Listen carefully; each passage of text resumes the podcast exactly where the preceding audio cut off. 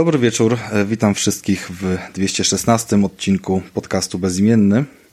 E, będzie to odcinek e, może nie inny niż wszystkie, ale na pewno zaliczający się do tych tak zwanych odcinków specjalnych. Jak wiecie, zdarzało się nam nieraz już robić jakieś ciekawe wywiady, tudzież zapraszać gości, którzy czymś się tam zaszczycili mniej lub bardziej chlubnym gdzieś tam w swoim doświadczeniu. W związku z tym taki też będzie dzisiejszy odcinek i dlatego mm, tak naprawdę będę w nim sam, będę y, prowadził ten podcast. Nie będzie ze mną Krystiana, nie będzie ze mną Mikołaja, dlatego że y, nasz tutaj specjalny gość bardzo zależało mu na zachowaniu anonimowości. Mm, wybaczcie też, więc jakby filtr tutaj e, dźwięku, żeby nie zwracać się do niego po imieniu, będę go e, po prostu nazywał jakby jakimś kryptonimem, niech to będzie pijany samuraj. Nasz pijany samuraj opowie nam, e, jak, jak przedostał się do e, środowiska, e, z którym jakby całkowicie, przez który stracił kontrolę z wcześniejszymi swoimi jakby stycznościami. Miała to być taka tylko pewna próba, a, a wciągnęło go to na lata całkowicie i, i dopiero ostatnio udało mu się jakby z tego, mm, z tej pułapki, z tego nałogu uwolnić, tak? Więc no z uwagi, że dalej przez te wszystkie wszystkie historie są one trochę tam niebezpieczne i, i zahaczają od świat przestępczy. Będziemy więc starali się to tak zachować, żeby nasz pijany samuraj mógł się czuć bezpiecznie. E, witamy więc pijanego samuraja. E, witam, dzień dobry, dzień dobry. Może i dobry wieczór, nie wiem, która e... godzina u was jest, bo nie chcę też zdradzać za dużo. Nie wiemy, która godzina, nie, nie, nie, wiemy, która godzina, nie wiemy, jaki jest dzień, nie wiemy, w jakim jesteśmy kraju. E, wiemy tylko, że to jest 216 odcinek i, i mały początek sierpnia. E, Pijany Samuraju, e, przybliżysz może trochę więcej swojej historii i, i, o czym my tak naprawdę tutaj mówimy, bo, bo jest to jakby jeden z najbardziej wrażliwych elementów e, jakby strefy gamingowej, tak, czyli, czyli przynależność do gangu konsolowców oraz, oraz do gangu pececiarzy. Tak, od tego jakby ta historia się zaczyna. E, wiesz co, gangu się nie wybiera, e, z gangiem się rodzisz i właśnie tak samo ja się urodziłem e, niestety po tej drugiej stronie, albo może po tej drugiej stronie niestety, czyli od zawsze od małego u mnie w domu był komputer do gier, no i jakoś takoś na początku nieśmiało, ale potem już wszystko wiedziałem, jak to jest z tymi komputerami, no i, i generalnie tą drogą, tą drogą się szło ale muszę powiedzieć, że w pewnym momencie mojego życia mm, pojawiły się te konsole, no i, i w sumie dzięki temu udało mi się wyjść, udało mi się wyjść na prostą właśnie dzięki konsolom. No okej, okay, udało ci się wyjść na prostą, to, to się gdzieś tam zaczęło chyba ze 20 lat temu, tak? Od, od yy, chyba, chyba tam pamiętam jak, jak pisaliśmy, jaka była pierwsza konsola, która spowodowała to przejście, to odwrócenie jakieś na, na dobrą drogę. Wiesz co, no na dzielni to się pojawiało parę różnych konsol, ale nigdy to takiegoś wrażenia nie robiło. E, wiecie, chłopacy, bracia PCMR, to, to, to nie jest taki gang po prostu, z którego się wychodzi, tak po prostu, e, to, to tak nie można. E, I no, pojawiało się bardzo dużo konsol, ale tak naprawdę taka pierwsza to ten PlayStation, ten szary PlayStation 1, nieśmiało się na dzielnicy pojawił i jakoś takoś zaczął werbować wszystkich z naszego gangu skutecznie. E, no i, i, też się złamałem, też się złamałem. Nie było łatwo, ale się udało i przeszedłem na tą drugą stronę.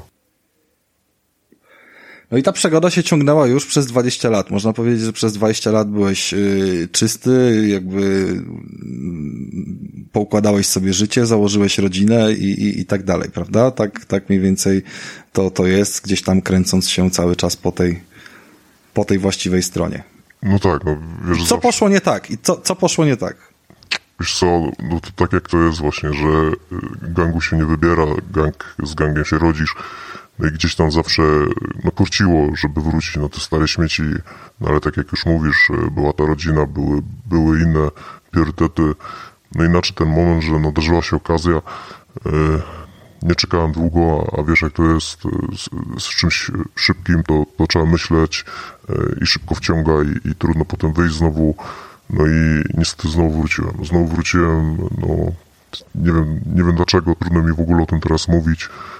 Generalnie, no dobrze to, dobrze, fajnie to wygląda.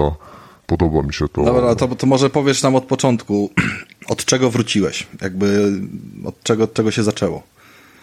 Bo masz, masz jakby wszystko, co jest potrzebne. Masz, masz Switcha, masz y, Xboxa, masz PlayStation, więc co, co tam wybrzmiało?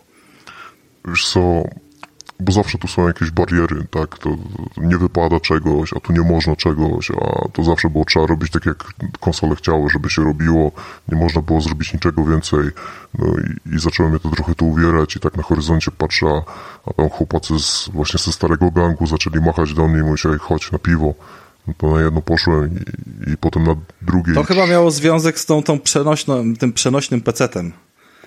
Tak, no niestety jak to bywa, no to PCMR różne sztuczki próbuje, żeby zwerbować konsolowców do swojego gangu i właśnie taki Steam Deck, bo o nim tu mówimy, e, no to taki właśnie ukryty agent pod przykrywką fajnej konsoli, tak naprawdę tam jest PC i, i, i, no i bardzo zacząłem się nim interesować i generalnie chciałem tylko na tym skończyć, a z uwagi na to, że to nie jest dostępne i rzadko gdzie można to spotkać i zobaczyć, trzeba poczekać, no to postanowiłem, że, że jednak, jednak wrócę do, do, do, do tych komputerów, do tego PCMR-u, nie? No okej, okay. dobra, rozumiemy, więc, więc jaki był pierwszy krok? Jaka była pierwsza decyzja? Na czym się pierwszym złamałeś? No słuchaj, no wchodzi się szybko, głowa nisko, wysoko łokcie, y, to no, nie można myśleć, tu trzeba działać, no i postanowiłem, że będzie to komputer gamingowy. Z RTX-em, bo wiesz, ray, ray tracing teraz jest na topie i, i no dzisiaj, dzisiaj wszyscy jakby szacunek na dzielni jest przez ray tracing, no jakby no, to, to rozumiemy. Czyli, czyli laptop, tak? Jakby gamingowy, czyli jakiś y, laptop, który umownie stwarza więcej możliwości, tak? Tak, generalnie laptop z ray tracingiem, z RTX-em 3060 bardzo mocny, szybki, wciąga, po prostu wciąga, śladów nie zostawia wszystko na ultra chodzi, wiesz, e, naprawdę robi wrażenie, nie? Jak się czymś takim wjedzie do klubu, nie? To, to od razu wiadomo, że to z tym gościem się nie zadziera, nie? Wiesz o co chodzi, nie? No wiem, ale no też jakby to, to, to chyba się nie obywa bez ofiar, tak? No jakby na pewno to wpłynęło mocno na, na wiele sfer i, i nerwów i gdzieś tam ciężkich, nieprzespanych nocy. To cię jakoś tam nie, nie nie, nie powodowało krzyku wołania o pomoc? Wiesz co, ja tam coś jeszcze zapamiętałem za dzieciaka, jak się w tym gangu bujaliśmy, no to wiadomo, że była walka ze sterownikami zawsze, codziennie jakiś nowy się wyjebał, trzeba było go, wiesz, no, e, e, do, do pionu postawić, wiadomo, no nie zawsze wszystko chciało chodzić jak, jak, jak powinno, e, ale, ale teraz no to widzę, że chłopaki tutaj z gangu się ogarnęli, to już wiesz, ekstraklasa, to nie takie tam mafioze osiedlowe, tylko no tu już w ekstralidze startujemy e, i, i działa to naprawdę fajnie, fajnie działa to, nie trzeba dużo myśleć, generalnie nic nie trzeba myśleć, wszystko się robi za ciebie, ty po prostu musisz swoje odrobić, no ale wiesz, tak to jest, jak się jest na razie w tych niższych szeregach gangu, to masz na razie taki sprzęcik i, i tyle. I jakoś to leci. Jest dobrze, poważanie na dzielni, ale, ale już powolutku zaczynam myśleć o czymś bardziej stacjonarnym, wiesz, takim mocniejszym. No ale to trzeba kapony trochę zebrać, ale to powolutku, nie? Więc wiesz... Czyli, czyli rozumiem, że się nie obędzie bez ofiar, tak? Jeżeli chodzi o konsole, które wszystkie sobie szczęśliwie żyły w jednym ekosystemie, to, to, to już, już pewnie nie jest tak różowo. No wiesz, ale rozumiem, że to zostanie wszystko na nagraniu, tak? Bez imion, rozumiemy się, tak? Tak, tak, jest to no. temat jakby zagwarantowany. No, no to słuchaj, no jednego już odstrzeliłem, e, było ciężko, ale szybko poszło. E, no Japończyk już, już, Japończyk już jest, że tak powiem, znalazł innego właściciela, tak? Więc... E, ale, no, ale, ale chyba nie, nie, nie, nie biały Japończyk, nie, nie, nie ten duży. Nie, duży, duży jeszcze ma dobre plecy, jeszcze do niego trzeba, wiesz, z ekipą podskoczyć, ale ten mniejszy e, co raz w domu, a raz na dworze się bujał, no to już się nie pobuja, nie? Ksywka jego, może słyszeliście, Switch OLED i już go nie ma, nie? Już, już znalazł innych właścicieli, tak to się w slangu naszym PCMR mówi, nie? No, 5.5.0 RTX 3.2, wiadomo, to ja mam takie ciekawe pytanie w sumie. Jeżeli padło y, w pierwszej kolejności na Switcha, to pewnie miałeś jakieś ku temu powody, żeby, żeby takie podjąć decyzję, tak? Jakby, że, że nie był on w stanie w jakiś sposób zasłużyć na, na to, żeby zostać. No wiesz, siedział i się kurzył i w sumie nic nie robił, więc takich, tak, takich to w pierwszym momencie do odstrzału, a co się później okazało, nie ma ludzi niezastąpionych i teraz ten mój RTX tak naprawdę robi też za Switcha, nie? Więc wiesz, mniej, dwóch mniej, a jeden robi tyle, co za dwóch, nie? Jakieś emul emulacje, tak? Jakieś tak, tego tak. typu kon kontrakty. Emulatory, tak. No dobra. Tak, ale to już, wiesz, nie chcę gadać tak za mocno, bo to już słyszę, że tam u ciebie jakieś sygnały się, wiesz, to niebezpiecznie się już robi, także powolutku do brzegu, nie? No dobra, no miejmy nadzieję, że nas nie namierzą, ale... Mm, a, a, co dalej? No bo jeżeli mówimy o Xboxie, który, który ze swoim Game Passem jest y, bardzo, bardzo w ofercie PC-owej też no jakby gra na dwa fronty, to, to nie da się ukryć a, a z drugiej strony no PlayStation też, też to robi, tylko zachowuje ten bezpieczny dystans kilku lat jakby przesunięć do tych premier i tak dalej. To jak to ma zostać między nami i ten odcinek ma zostać opublikowany po kolejnym strzale, to, to, to kto ten strzał dostanie? Wiesz co, nie kto mogę... Jest kolejny do, kto jest kolejny do zastąpienia? Nie, nie mogę ci o tym, nie mogę ci o tym mówić, bo to są już takie e, informacje, naprawdę tu gang by wszedł, to by no, no, rozwalił chatę. E, powiem tyle, że raczej na razie, na razie są wszyscy bezpieczni, e, bo, bo po prostu są... E, czekaj, czekaj, coś... Czekaj, coś, coś chyba, coś, coś tu jest nie tak, coś tu jest nie tak. Co się dzieje?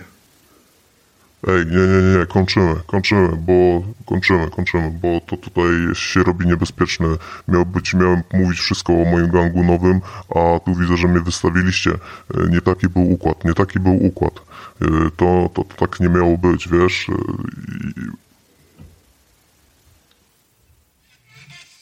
Dobra, słuchajcie, straciliśmy, straciliśmy kontakt z naszym gościem. Mm, była to dosyć taka ciężka, emocjonująca rozmowa, bo, bo, bo nie wiemy tak naprawdę, co się teraz z nim wydarzy i, i, tak dalej. Natomiast y, są to tematy, o które będziemy dalej sobie rozmawiali i, i, i przedyskutujemy sobie jakby tą, tą całą rozmowę i kwestię y, rozjazdu, y, spojrzeń oraz to, co ewentualnie oferuje nam przechodzenie z jednej strony na drugą e, z Tomkiem Zawadzkim. Cześć, cześć Tomek. witam, cześć, witam wszystkich. Mam nadzieję, że wstęp się podobał, a jak nie, no to trudno i tak go musicie posłuchać. No zasadniczo już po herbacie, można tak powiedzieć. Yy... Tomku, miło, że jesteś. Wróciłeś yy, poniekąd do pecetów, ale, ale wiemy, że serduszko konsolowe dalej jest i, i dalej jest granie z kanapy, dalej jest... Yy, przede wszystkim chęć podłączenia do telewizora. Z czym chyba akurat nie jest najprościej. No tak, wiesz. I to jest, e, to jest jedna z rzeczy, której bym, bym chciał, żebyś yy, powiedział. E, ale to może od początku. No jakby Kwestia, kwestia laptopa, którego gdzieś się udało wybrać, to była też yy, z Tomkiem droga pełna przygód, bo, bo, bo zaczęło się od yy, Asusa, potem wszedł Dell, a potem wszedł jeszcze jeden Dell i tak naprawdę wszystko kręciło się w tym samym budżecie, a względem pierwotnego wyboru do tego ostatecznego to co najmniej ze trzy parametry tego sprzętu zostały bardzo mocno poprawione i zmienione, bo bo tak to w, w, gruncie rzeczy wygląda, jeżeli chodzi o promocję, nie? To nie jest jeden wariant konsoli, który bierzemy i albo z takimi grami, albo z takimi, albo, nie wiem, golasa. Tylko tutaj co chwilę mamy jakąś nową ofertę, nawet w ramach tego samego sklepu i, i w sumie tego samego sprzętu.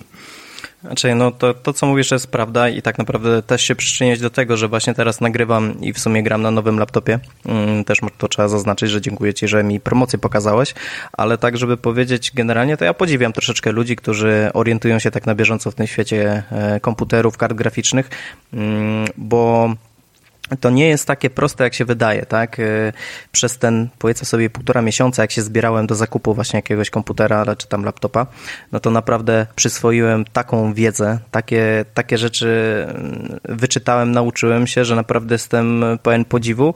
Już teraz ten cały świat komputerów i laptopów jest dla mnie troszkę prostszy, ale nadal po prostu zaskakuje mnie, że jedną kartę graficzną mogą na przykład robić dwie, trzy różne firmy, plus jeszcze ta karta graficzna może mieć zupełnie inne e, TGP. Nie wiem, co to jest TGP, jeżeli ktoś wie, to niech w komentarzach mi wytłumaczy. E, I i że na przykład może mieć, wiesz, zupełnie inny, inny, mm, inny e, ilość ramu na karcie, nie? I to wszystko wpływa. Więc to jest taki świat, że naprawdę pełen szacunek dla ludzi, którzy na bieżąco w tym siedzą i ogarniają to wszystko na co dzień. No tak, bo tak naprawdę no to się składa z różnych chipsetów, które potem są montowane na te karty graficzne i one są przez e, poszczególnych producentów wydawane, więc jakby tą, tą kartę graficzną czy, czy inną płytę główną możesz kupić od y, wielu firm, ale każda będzie miała jakieś inne parametry, nie? I na ten temat też gdzieś tam sieją legendy. To, co mnie najbardziej zaskoczyło, no bo patrząc na te wszystkie oferty związane z zakupem PC-ta, to mm, klasyczne parametry, no wiadomo, patrzymy sobie na to, jaki jest e, model karty graficznej oraz model procesora, jesteśmy w stanie sobie wygooglować jakieś benchmarki, żeby zobaczyć, jaką to ma wydajność i jest ok. Widzimy, jaka jest ilość RAMu, widzimy, jaka jest, e, jaki jest rozmiar dysku, e, czy to jest dysk HDD, czy SSD. I to są tak naprawdę wszystkie informacje, które dostajemy na początku, jeżeli chodzi o jakąkolwiek ofertę. Jeżeli głębiej pogrzebiemy, to możemy zobaczyć, jakiej kategorii klasy to jest na przykład dysk SSD, tak? W kontekście y, bycia szybszym bądź, bądź wolniejszym. No i to też może mieć jakieś tam, y, wiadomo, znaczenie. Mm, tak samo w kontekście RAMu czy, czy kart graficznych też jest straszny pierdolnik, bo trzeba się po prostu nauczyć nomenklatury, że mm, GeForce 2015 60 i 2070 to jest tak naprawdę generacja po prostu jakaś tam zeszłoroczna czy sprzed dwóch lat. I że dzisiejszy, który się pojawił 30-50 jest nowszej generacji, ale jest słabszy, tak? I dopiero 3060 będzie y, godnym konkurentem tego, tego y, poprzednika swojego, który gdzieś tam się pojawi. No i jakby szereg różnych innych y, elementów, przede wszystkim też związanych jakby przy laptopach z tym, że na wszelkie parametry trzeba zwracać uwagę z podpisem, że to jest wersja mobile, że to jest jakby karta graficzna przeznaczona do laptopów i ona zależnie od modelu może być 30 albo i 50% gorszej, jak mniejszej wydajności niż y, model desktopowy, tak, o którym no też padło hasło, że korci cię, żeby, żeby coś takiego postawić, bo to już jest y, bądź co bądź maszyna na lata, tyle, że no kosztuje tyle, co wszystkie konsole i, i to nawet jeszcze z telewizorem pewnie postawione razem wzięte, nie? No generalnie tak, tak, to co właśnie mówisz, to jest niestety prawda i bardzo dużo rzeczy w świecie komputerów e, przeczy logice, e, taki dysonans się robi, gdyż jak masz PlayStation 4 i kupujesz PlayStation 5, no to wiesz, że to będzie mocniejsza, bardziej wydajna konsola, a tak jak właśnie powiedziałeś o tych kartach graficznych, e, może znaczy, się... E, przepraszam, przepraszam, przepraszam, no jakby też się robi pierdolnik, bo w momencie, kiedy pojawił się Xbox e, Series S, który był jakby reklamowany jako konsola nowogeneracyjna, ale jednocześnie słabszy od yy, poprzedniej generacji jakby mocniejszego modelu jakby mniejsza wydajność, tylko no tak, zastosowane tak, no. nowsze jakieś technologie i to jest taki pierwszy przykład y, uruchomienia takiego rozwiązania, że, że o, konsola nowej generacji to biorę, ale tak mhm. naprawdę no, obraz mam gorszy niż, niż był wcześniej w gruncie rzeczy. No jakby... No tak trzeba naprawdę mocno przeanalizować e, za i przeciw, jeżeli ktoś chciałby wybrać e, kupno używanego One X, a, a Series S, który po prostu daje tam kilka tych bonusów z, mhm. z nowej generacji. No tak, ale wiesz co, na, może na chwilkę się zatrzymamy tutaj, bo może słuchają nas ludzie, którzy też właśnie się e, są przed takim dylematem, bądź przed takim krokiem, który właśnie ja zrobiłem, czyli od jakiegoś czasu planują zakup komputera, laptopa do gier i tak naprawdę nie wiedzą co, jak, gdzie grają na konsoli to może ułatwię i jeden mit o bale, który się na pewno pojawił, albo już taka osoba wielokrotnie słyszała, czyli e, czy za 2,5 koła ja sobie złożę komputer do gier, nie? Jak wpiszesz takie coś, albo zapytasz się swoich kolegów, którzy grają na, tylko i wyłącznie na komputerach, to będzie, o panie, za tyle to ci będą na haj wszystkie gry śmigały, ja tak gram, nie? E, gówno prawda, za 2,5 Z jednej strony się dowiesz coś takiego, z drugiej tak. strony się dowiesz, że bez piątki nie podchódź, a z trzeciej, Dokładnie. że jesteś głupi i jakby, wiesz po prostu wróć do konsol, jak zadajesz takie pytania. No, dokładnie, więc tutaj obalmy ten mit szybciutko i osoba, która nas słucha i się zastanawia, czy ile potrzebuje tak plus minus, żeby zakupić taki e, laptop do gier, który spełni jego wymagania, w sensie będzie odpalać większość, jak nie wszystkie produkcje aktualnie na tych najwyższych ustawieniach, bo akurat tak u mnie to jest. Więc jeżeli patrzymy na promocję, no to te 5000 musi być, żeby po prostu zakupić sobie taki laptop, który ci włączy gry e, i będziesz miał uczucie grania ale na konsoli, tak? Bo tak naprawdę powiem ci szczerze, Rafał, ty mnie znasz, e, słuchacze starsi też pewnie mnie znają. Ja wybrałem konsolę w moim życiu dlatego, bo to było takie optymalne wejście pomiędzy kosztami a jakością, które te konsole potrafiły wyświetlić, tak? Plus oprócz tego to, no że to po prostu działa, tak? Wkładasz płytę e, i za chwilę grasz sobie w grę, tak? Czasem Albo wiadomo. nie wkładasz płyty, tylko będąc w pracy klikasz, żeby się gra pobrała w tle, wracasz do domu, odpalasz no. i jedziesz. No to jest a wiesz, tego typu rozwiązanie. A wiesz, że mi tego brakuje na komputerze? Czasu. Wiesz, że mi tego brakuje? No. No bo to jest różnica, jakby grę zainstalować, która ma 70 giga na laptopie, nawet z szybkim łączem, to jest dalej stracone 30-40 minut, nawet jak masz zajebisty jakiś tam światłowód, a to wciąż nie jest standard jakby w naszym kraju, więc yy, umówmy się, że poza tym yy, ja nie miałem ani razu problemu z PS5, bo PS4 to wiemy, że miała ogromne problemy z pobieralnością i tam jakieś były zjebane ustawienia tych serwerów. Yy, na PS5 zawsze mi leci maksymalna prędkość pobierania, pomimo, że nie jest nawet po kablu podpięta yy, i to jest te 50 megabajtów na sekundę. Yy, Xbox ma z tym trochę problemy, ale, ale to jest powiedzmy wciąż poziom akceptowalny, że to wszystko się działa, dzieje ok. Yy, po prostu bardziej to skacze zależnie od chyba, od, nie wiem, od obciążeń. Yy, natomiast na laptopie jest totalny no nie wiem nawet kurwa jak to nazwać, jest totalny pierdolnik, zależnie od tego, z którego klienta odbierasz, czy z EA, czy z Ubi Connect, czy ze Steama, czy, czy z jakiegoś innego Goga, to na każdym możesz mieć inny poziom yy, prędkości. Na każdym z nich będziesz miał jeszcze jakieś, wiesz, y, cyrki związane z tym, że yy, właśnie są serwery obciążone, albo że coś się spierdoli. Sam wysyłałeś podczas yy, instalowania pierwszych gier, dlaczego coś ci się pobiera y, na 500 gramów, 500 kilobajtów, nie? tak, no wiesz, no nie potrafiłem sobie uzmysłowić tego, że e, na konsoli jak włączasz, to, to działa. Ewentualnie, jeżeli coś nie działa, to może być problem z internetem. A tu jak się okazuje, no to internet może może ci działać, komputer może być sprawny, ale po prostu Steam sobie wymyśli, że będzie ściągać ci z prędkością 50 KB na sekundę i nic z tym nie zrobisz, nie? Więc y, przez ten czas, co już użytkuję ten komputer, przywykłem do takich dziwnych, nielogicznych, popierdolonych rzeczy po prostu. ale że tak zmienię całkowicie temat, Rafał, pozwolisz, czy ci przerwę? Śmiało. E, to może powiem, co takiego fajnego jest w komputerze po praktycznie, nie wiem, żeby przestrzelić, nie przestrzelić e, po 10, 12 może latach bez komputera w domu, nie? Bo może są słuchacze, którzy po prostu pierwszy raz słyszą ten odcinek i się zastanawiają, co ten gościu pierdzieli, nie? Jak można nie mieć komputera w domu.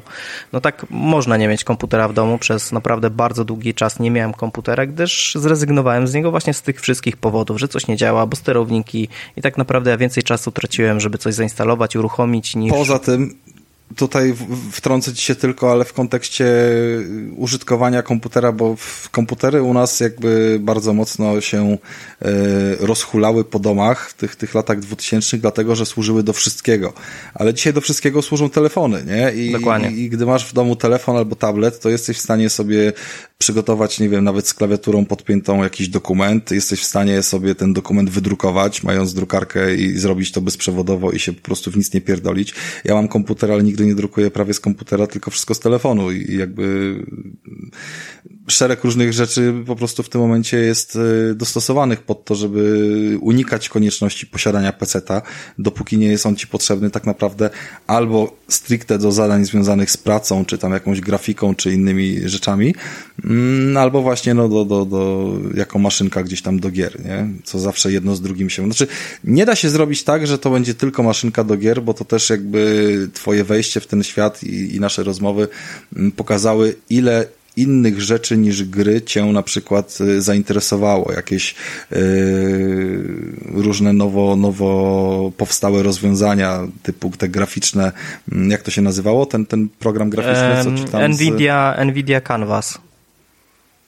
Nvidia Canvas, czyli tam na zasadzie, że rysujesz sobie pięć kresek w pańcie, a on ci z tego robi pejzaż i, po prostu na zasadzie sztucznej inteligencji no, dokładnie. wszystko tak, że, że jest fajny obrazek. No to e, jak najbardziej moja córka się zakochała w tym, wiesz, w momencie, kiedy pokazałem jej, że może tak naprawdę parę szlaczków zrobić i to się przeradza właśnie jakieś w piękne pejzaże, no to po prostu cały dzień spędziła przed komputerem, więc, e, więc no tak jak mówisz, no komputer nie tylko do gier, do pracy, ale też do zabawy i, i ogarniania różnych takich ciekawostek technologicznych, e, silników fizycznych. Jest na przykład mm, ten cały silnik fizyczny, to co ci wylicza całą naszą e, galaktykę, tak? Solar Space, czy jakoś Space Engine to się nazywa.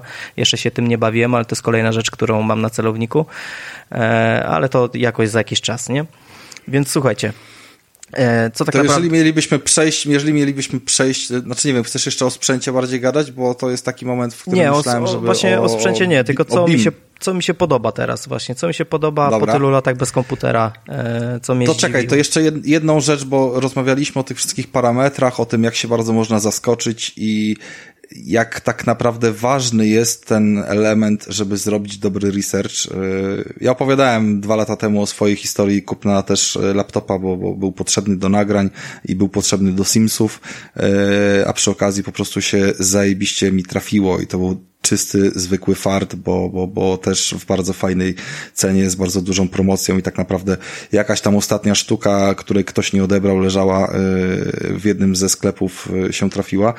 Mm, I nie miałem czasu jakby tego wszystkiego przeprocesować, ale gdybym to miał, to, to bym już musiał szukać jakby wyższych pieniędzy, więc nie było sensu. Natomiast Tomek, pozostając przy tych wszystkich parametrach, które już tam zdążył poznać, wiedzieć, wybrać i tak dalej i wymienić trzy razy sobie te laptopy, które wymieniał, bo na szczęście sprzęty kupowane w internecie można zwracać, więc to jest złota rzecz. tak, pamiętajcie, e, jak coś kupujecie nie jesteście pewni, to zawsze zamawiajcie to przez internet, tak? No i można sprawdzić, można sobie postawić, bo yy, był, był, były tam różne próby, łącznie z postawieniem jakby yy, systemu na, na laptopie, który się kupuje bez, bez systemu, bez Windowsa. To jest jakby też jeden z parametrów, który na cenę wpływa i te kilka stów zawsze dodaje albo odejmuje. Yy pamiętajcie o tym, że mogą tam być niespodzianki, nawet takie, które nie będą wynikały bezpośrednio z, z tego, co jest napisane na pudełku, tudzież w specyfikacji. I takim Aha, zaskoczeniem dobra, właśnie wiem, się okazał chodzi, ekran laptopa, bo to jest normalna 15-calówka, tak, niby wszystko klasycznie. Jedyny parametr, który tam się pojawia w opisie, no to jest ewentualnie ilość herców. Każdy z góry zakłada, no, że przecież y, w tym zakresie cenowym to jest Full HD.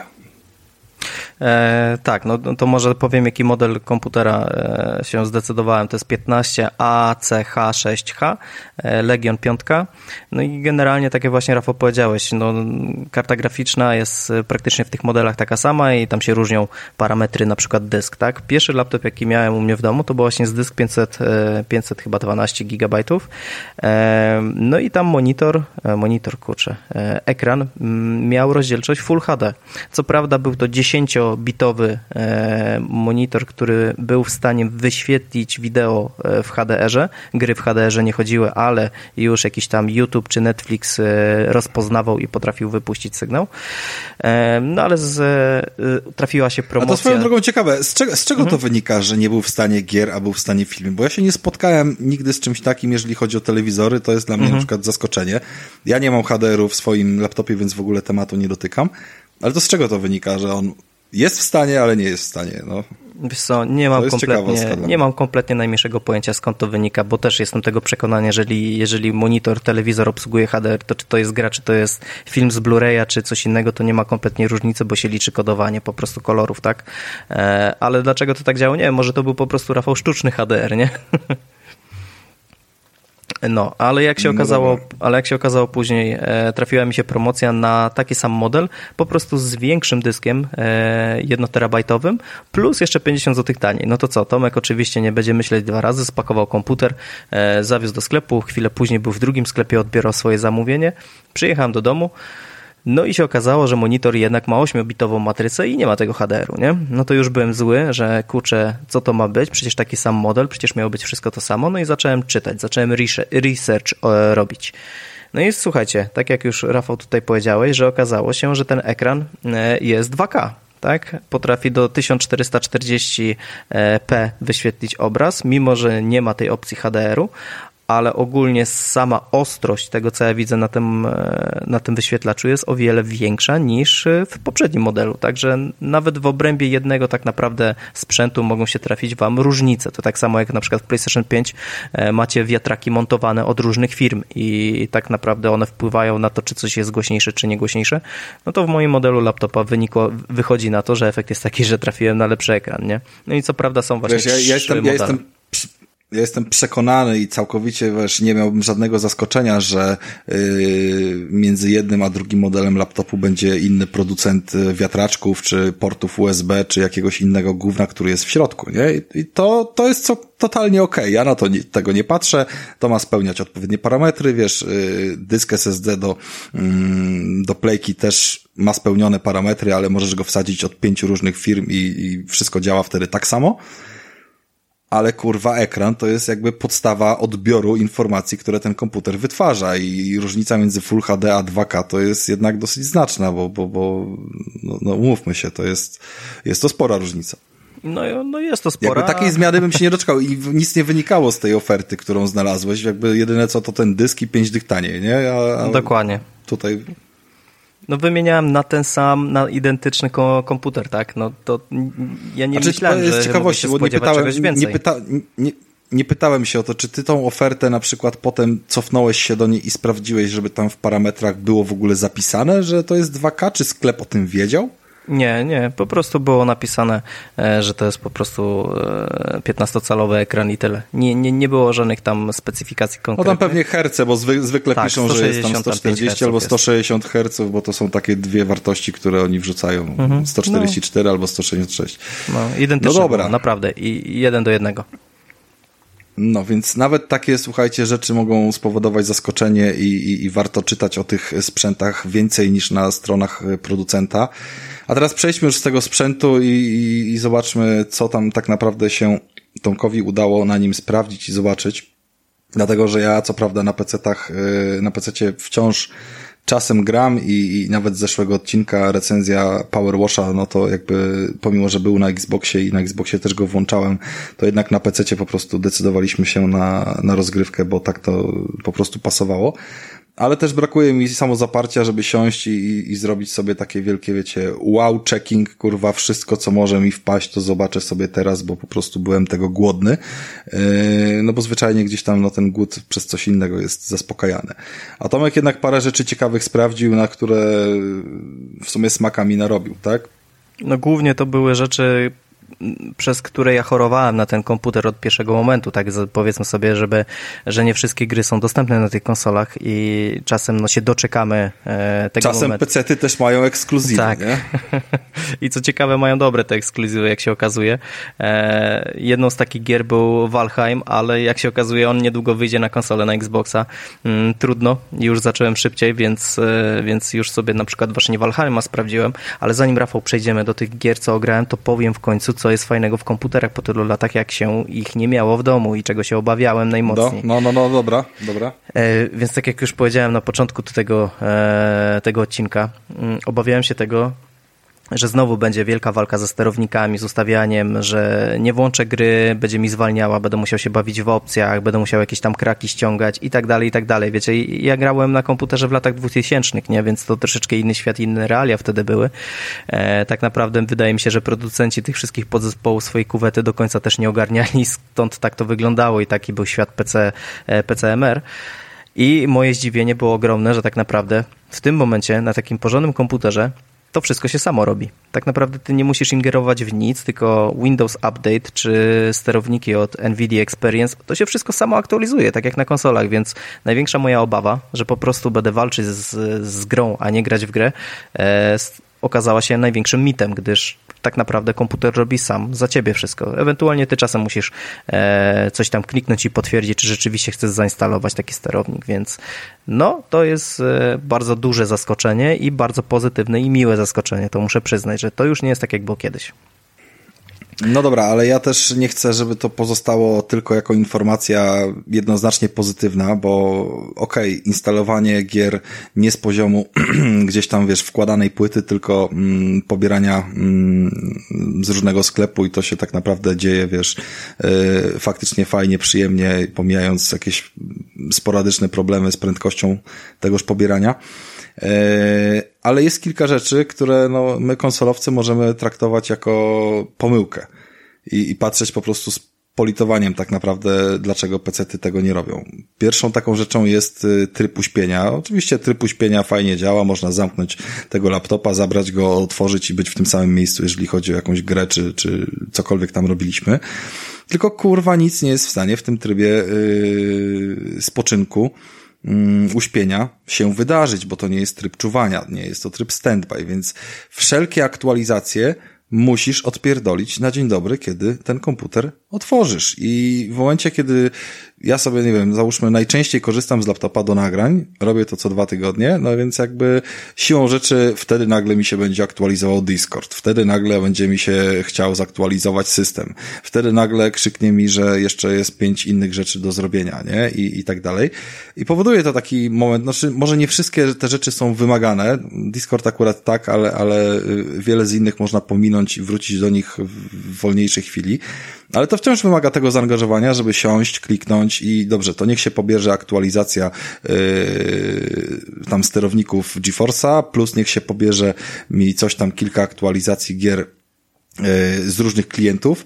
No i jakby kolejna kwestia to są te różne sklepy. No wiadomo, że to wpływa pozytywnie na dostępność e, cenową i można sobie szukać różnych tytułów na promocjach i, i, i wyopywać e, po tanioszkach albo za darmo. Jakieś chociażby Epic słynie z tego, że za darmo rozdaje gry co tydzień, a z drugiej strony mamy Prime Gaming z oddzielną zakładką, z trzeciej strony Goga, z czwartej strony królującego Steama, no i z piątej strony jakieś jeszcze padaczko kawałkowate jej i, i, i, i nie wiem, Ubi Connect, więc tego jest od chuja i, i nagle sześć klientów odpalasz, pomijam, że w tle zamulają tego laptopa, więc masz ochotę co chwilę, wiesz, wyłączać te wszystkie i wkurwiacie, żeby one cały czas wszystkie chodziły w tle. Yy... No dlatego musisz właśnie wydać pieniądze, żeby mieć mocny komputer, wtedy to ci się wszystko jednocześnie zrobi i nie będzie ci obciążać, nie? Komputera, może to jest właśnie ta znaczy, tajemnica. Wiesz, o, o, z, jednej, z jednej strony tak, ale z drugiej strony jeżeli masz świadomość, że chcesz coś odwalić na naprawdę dobrym poziomie, a te gry jednak powstają w takim tempie, że, że no, nie mówimy tutaj o maszynach, które po prostu, wiesz, obliczanie yy, jakichś teraflopowych zadań, wiesz, miałoby powodować u nich braku zadyszki.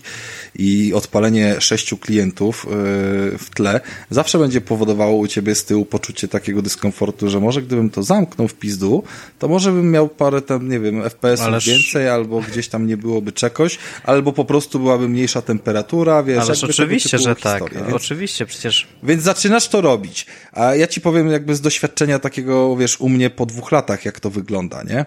Yy, Xbox jest sprzężony z aplikacją EA. Yy, wymaga uruchomienia obydwu, żeby sprawdzić licencję i tak naprawdę przez aplikację EA pobierasz gry, które są z EA, ale są w Game Passie, bo masz, yy, bo masz Lepsze Pass, jaja nie? są jak pobierasz grę z Ubi, z Ubi Connectu przez Xboxa, to jest lepsze. EA to tam pikuś, nie? No, z Ubi, z Ubi Connectem jeszcze nie próbowałem, spróbuj, bo, bo to jest świeży temat w ogóle.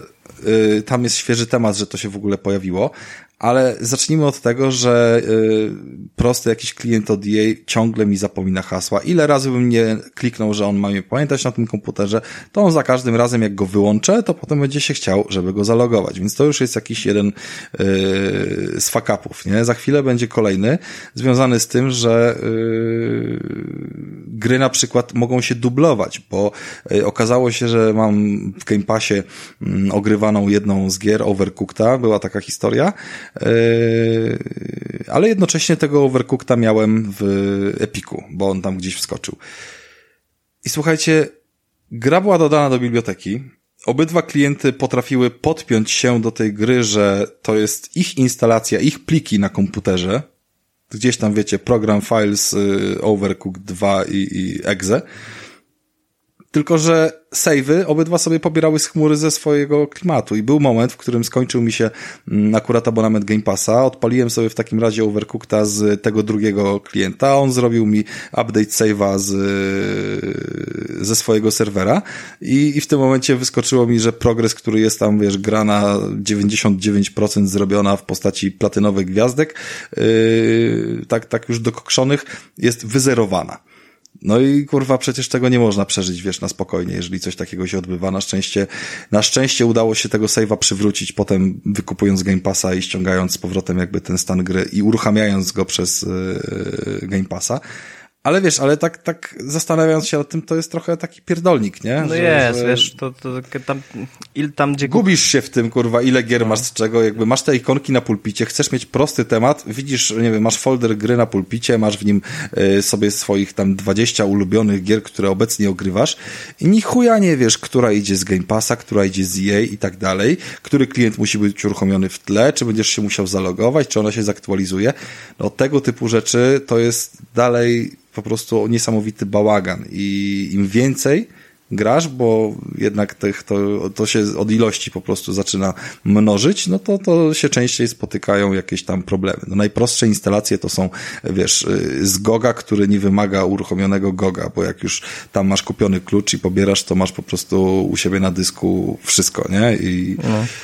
i jest spoko. Znaczy, wiesz, no, no na pewno dla kogoś, kto nigdy nie miał komputera i przejście z konsoli na komputer, to łatwe wyzwanie nie będzie, ale tak jak już wspomniałem na początku, no kiedyś zaczynałem przygodę w grach w ogóle od komputera, e, to trzeba przyznać i jeszcze raz zaznaczyć, no to co nieco wiedziałem, co i jak się robi, ale też dziwnie się, raczej dziwnie, też się zaskoczyłem w momencie, kiedy chciałem sobie włączyć, wiesz, Minecrafta z RTX-em, żeby zobaczyć cały ten ray tracing, no i generalnie spędziłem dobre 40 minut nad tym, zastanawiając się, jak ja mam to uruchomić, ponieważ w Minecrafcie w opcjach moja karta nie była wykrywana.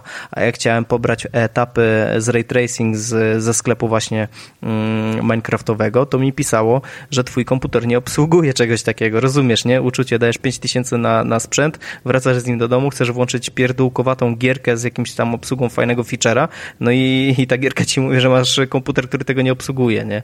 Więc są takie, takie pierdoły. E, rozwiązaniem tego problemu było po prostu wejście w wejście w zarządzanie NVIDIA, wybranie aplikacji, dodanie jej bezpośrednio ręcznie z listy aplikacji, które są, ustawienie na sztywną grafikę, żeby obsługiwała właśnie RTX ją e, i dopiero wtedy się to wszystko uruchomiło, tak? No ktoś, kto dopiero zaczyna z komputerem i nie ma kompletnie pojęcia, że takie rzeczy można robić albo nawet czasem trzeba, no to będzie zagubiony, tak?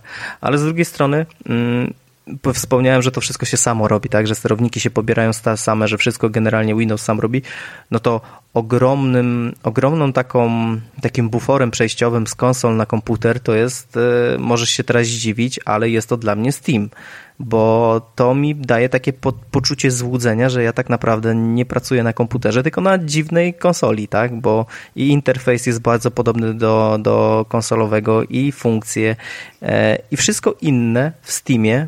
Generalnie ja myślałem, że Steam to jest taki jeden wielki po prostu sklep, do którego wchodzisz, kupić grę i tyle, i zapomnij. I raz go widzisz, jak kupujesz grę, i, i potem już go nie włączasz.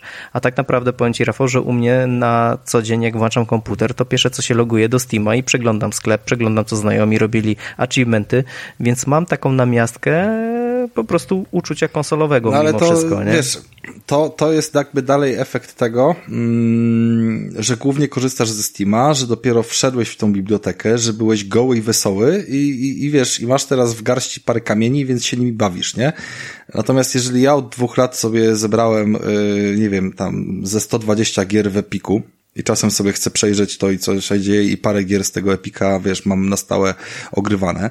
Yy, kolejne parę gier yy, brałem z Goga, bo to były jakieś klasyki, jakieś Hirosy trójka czy coś w tym stylu. Z Ubi tak naprawdę nie korzystam. Yy, z Steama mam w sumie trochę gier kupionych, mam tam coś nawet chyba podzielone rodzinnie, ale, yy, ale tam jest jakaś tam wąskie gardło, tak, bo, bo tej biblioteki nie zacząłem tam budować, tylko się gdzieś tam posiliłem innymi. Yy, I jeszcze na dokładkę jest Xbox Game Pass w połączeniu z EA-em, tak, który, który no, wymagany no jest do obsługi. I do tego wszystkiego jakby ten EA jeszcze miałem kilka gier kupionych, bo i Simsy, jakiegoś Need for Speeda, jakiegoś Command Conquera, to właśnie w EA-ach one były gdzieś tam zagubione. Więc jeżeli to już gdzieś tam funkcjonuje jakiś czas, to, to, to nie jesteś w stanie się tylko do tego Steama ograniczyć, no szczególnie jak chcesz jakieś parę cebulionów zachować, bo gdy dzisiaj chcesz zagrać sobie w Hirosy, to otworzysz sobie y, trzy sklepy i będziesz miał trzy różne ceny. A i tak pewnie finalnie zakupisz na Enebie, nie? hmm. Może tak być, ale może tak być, że wiesz, że właśnie te, te, te mm, promki będą naprawdę ciekawe, no bo wiesz, bo, bo, bo to, bo Epic rzuci kody jakieś i, i, i gdzieś tam można wtedy mega tanio, wiesz, Tonego Hołka kupiliśmy prawie, że po premierze z kodem zniżkowym chyba za 60 zł, nie?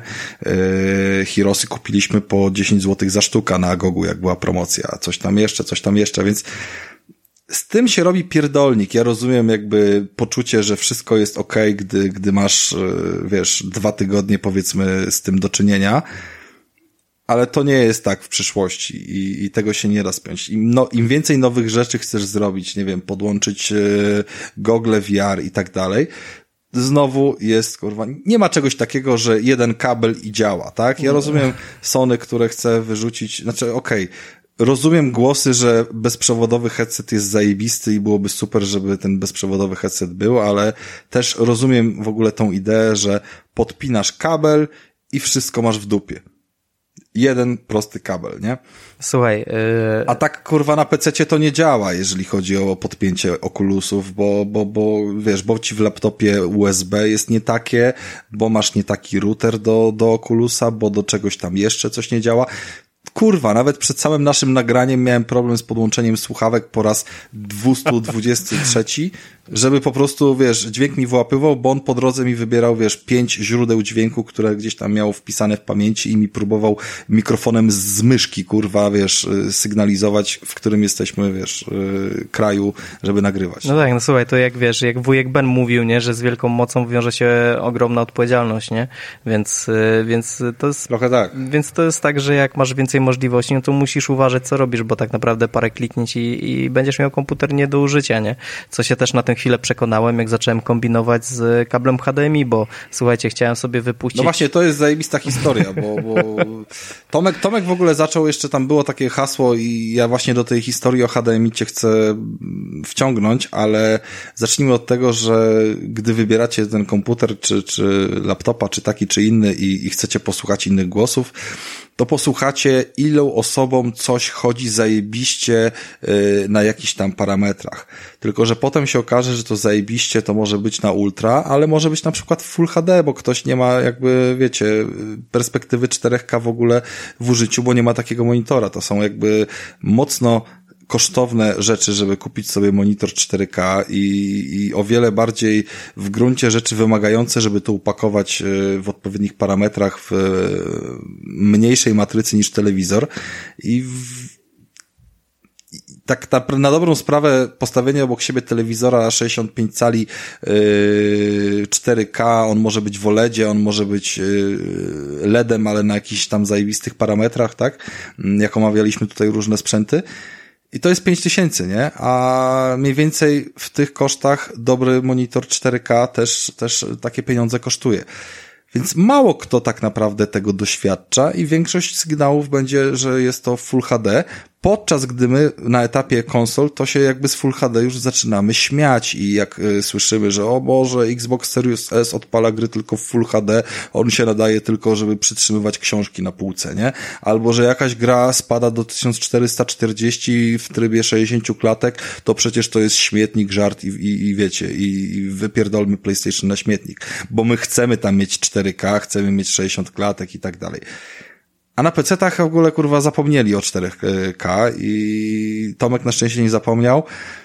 Pomimo tego, że ten monitor 2K robi wrażenie, no bo tam 1440 na małym ekranie jest spoko, ale mały ekran to dalej jest mały ekran i znaczy, chcemy podłączyć to do telewizora. No tak, ale te... I w tym momencie jest historia. No, ale jeszcze wróćmy na chwilkę do właśnie do tego, że mały monitor i daje radę, to na grupie macie zdjęcie z de, właśnie gry, o której będziemy później w odcinku omawiać, już trudno spoiler dałem, ale będziemy o dekorii mówić i no to zdjęcie było robione telefonem i naprawdę szczegółowość tych postaci jest, jest niesamowita i to, to na, jak siedzisz blisko 15-calowego ekranu, no to widać naprawdę rewelacyjną, e, rewelacyjną grafikę, tak, ale w momencie, kiedy właśnie podepniesz to kablem HDMI pod 65-calowy telewizor 4K, no to się witasz era PlayStation 3, dzień dobry, jak dawno cię nie widziałem, nie?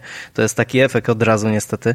Mm, no i się wcale nie dziwię, że, że ludzie mówią, że żeby wyświetlić 4K na komputerze, no to musisz 12-13 tysięcy wydać, no bo po prostu tyle pieniędzy jest potrzebne, żeby taką moc zrobić. A konsole robią po prostu tak od pierdół, nie? Włączysz konsolę i ona ci wyświetla to w 4K w 60 klatkach niekiedy, e, raczej w, w 30, no ale i tak jest to pełne 30 klatek. I co najlepsze... Znaczy raczej w 30, ale są jakieś dynamiki, jakieś, wiesz, triki wykorzystane i tak dalej i w gruncie rzeczy, no dobra, na PC-tach też, no wiadomo, mhm. wiemy, że jakby wszelkie ustawienia parametrów DLSS-u albo wyłączenie jednej z opcji po prostu ustawień graficznych i nagle sobie sam jesteś panem i nagle ci Cyberpunk po premierze chodzi w 45 klatkach, podczas gdy na, na, na konsolach, wiesz, on ledwo ogarnia 30. No nie? tak, no, no dwa światy, nie? Dwa różne spektra, ale miałem to samo właśnie, miałem to samo, miałem takie wrażenie, e, jak sobie pograłem parę dni pod rząd właśnie tylko i wyłącznie na komputerze i w ogóle nie włączałem e, konsoli, no ale w końcu z nudów pewnego wieczora mówię, dobra, już e, zaraz do tego kabla HDMI przejdziemy, bo głównie to się łączy z tym właśnie, że się wkurwiłem na ten kabel HDMI, powiedziałem, dobra,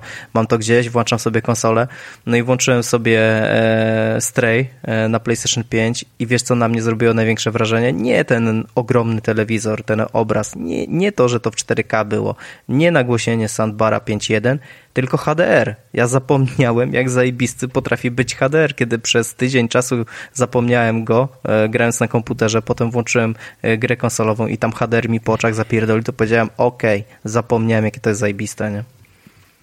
No ja Tomek wiem o tym i, i, i też poniekąd dzięki tobie, bo, bo, bo ty odpowiadałeś za wybory gdzieś tam naszych telewizorów i, i sam poszedłeś jakby tym samym rytmem, nawet rezygnując z Ambilighta, yy, który przecież też jest zajebistym rozwiązaniem. Mm, no i co tu dużo mówić, no HDR-y prawie, że nie istnieją na, na, na, na komputerach, no bo jakby w laptopach to w ogóle zero, zero opcji, a jeżeli chodzi o monitory, to znowu mówimy o kosztach rzędu 4-5 tysięcy. Ostatnio była mowa o parametrach tych monitorów przez Sony zaprezentowanych, gdzie tam są jakieś dwa modele. Mm, no to okej, okay. 600 y, chyba nitów y, jasności to jest taki poziom już, już pozwalający coś ciekawego pokazać.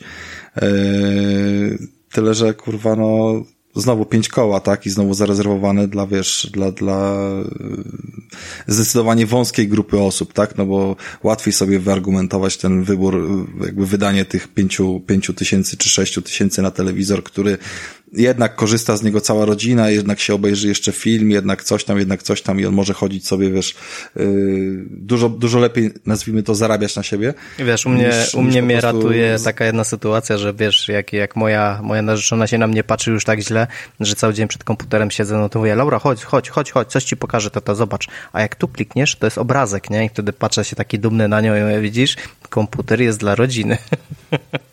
Tak.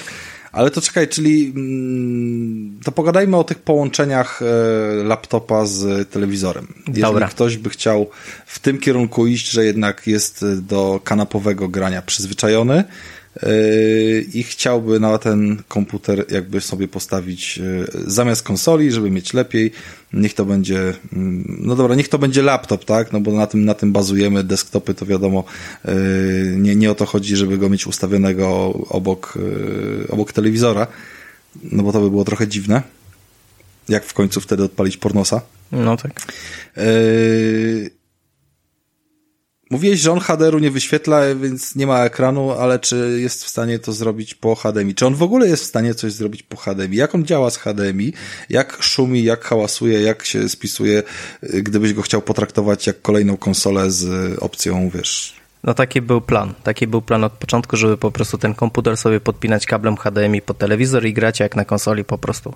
Gdzieś ten brzydki laptop po prostu z tyłu zostawić i udawać, wiesz, że a, to jest tylko kolejna konsola, nie? No i słuchaj, powiedz mi, co może się e, zdarzyć podłączając kabel e, HDMI pod laptop i pod telewizor? Czy może się coś dziwnego zdarzyć, czy powinno się po prostu wyświetlić, bo to jest kurwa HDMI, nie? Znaczy, no, były sytuacje, w których ja wiem, że HDMI potrafi być niekompatybilne i potrafi całkowicie nie wyświetlać obrazu, bo nie jest w stanie tych parametrów spełnić. I przechodziliśmy kiedyś tą historię na y, Xboxie przez kilka godzin y, i to nawet nie tym nowym, bo, bo tutaj wiesz, kable najwyższej jakości były dorzucone do zestawów, tylko właśnie na, na starszym, e, że jakiś tam parametr wyższego, wyższej jakości wyświetlania obrazu się kłócił z czymś, trzeba to było zmniejszyć i tak dalej, ale to są jakieś tam sporadyczne historie z, związane z gorszą jakością kabla. No ja też takie ale coś rozumiem, że... Ale Albo... innych cyrków bym się nie spodziewał. No, że ja też właśnie wychodzę z tego założenia, że kabel HDMI to jest proste urządzenie, że albo działa, albo nie działa i koniec, kropka, nie? Albo wymieniasz kabel na lepszej jakości, mocniejszy przesył i wtedy ci zadziała, albo ci nie zadziała i koniec, no nie? No i słuchajcie, słuchacze, włączyłem kabel, podłączyłem kabel HDMI pod laptop, podłączyłem pod telewizor, cały zadowolony, patrzę i wielkie artefakty mi się pojawiły, wiecie, taki, no dosłownie, nawet nie wiem jak to opisać, kawał linii, e, jakby powidoki poprzednich obrazów przełamane z, z innymi nowymi, nie? Mówię, oho, kabel mi się chyba gdzieś zgiął, albo jakaś, jakiś tam pin mi się zgiął, nie? No dobra, wyjmuję, włączam jeszcze raz, nadal ten sam efekt. Mówię, kurwa, o co chodzi, nie? Już myślę, że laptop, który kupiłem ma rozwalony port HDMI i tak samo właśnie chłopakom na grupie no, napisałem. Pierwsze ten, jakieś pi, piny, coś i tak dalej tak. mogą być zajebane, może być, wiadomo.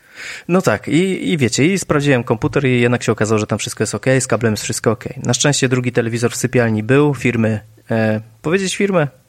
Mm, oczywiście, że tak. No to mówimy. Był telewizor, telewizor LG w sypialni, podchodzę z tym laptopem, podłączam kabel, pyk, działa wszystko jak ta lala petarda, ładnie, wszystko e, elegancko. No to mówię, kurde, dobra, no to czyli widzę, że tak, laptop jest ok, kabel jest ok, tamten telewizor jest ok. No to wracam do pokoju głównego, gdzie jest Sony e, i od razu tutaj zaznaczę, bo zaraz pewnie się pojawią komentarze, a próbowałeś z innym urządzeniem?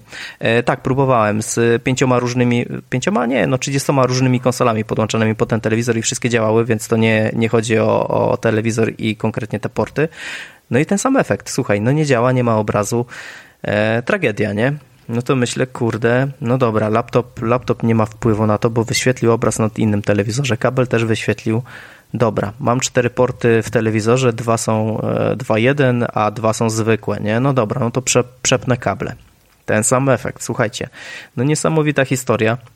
Walczyłem cały dzień z tym poddałem się, ale jak światło wstało następnego dnia, no to ja od razu kawka zrobiona, no i walczymy dalej. No i słuchajcie, i nagle pewnego, pewnego e, w pewnym momencie uda... Ja chcę tylko powiedzieć, Dobra? ja chcę tylko powiedzieć, że to jest taki moment,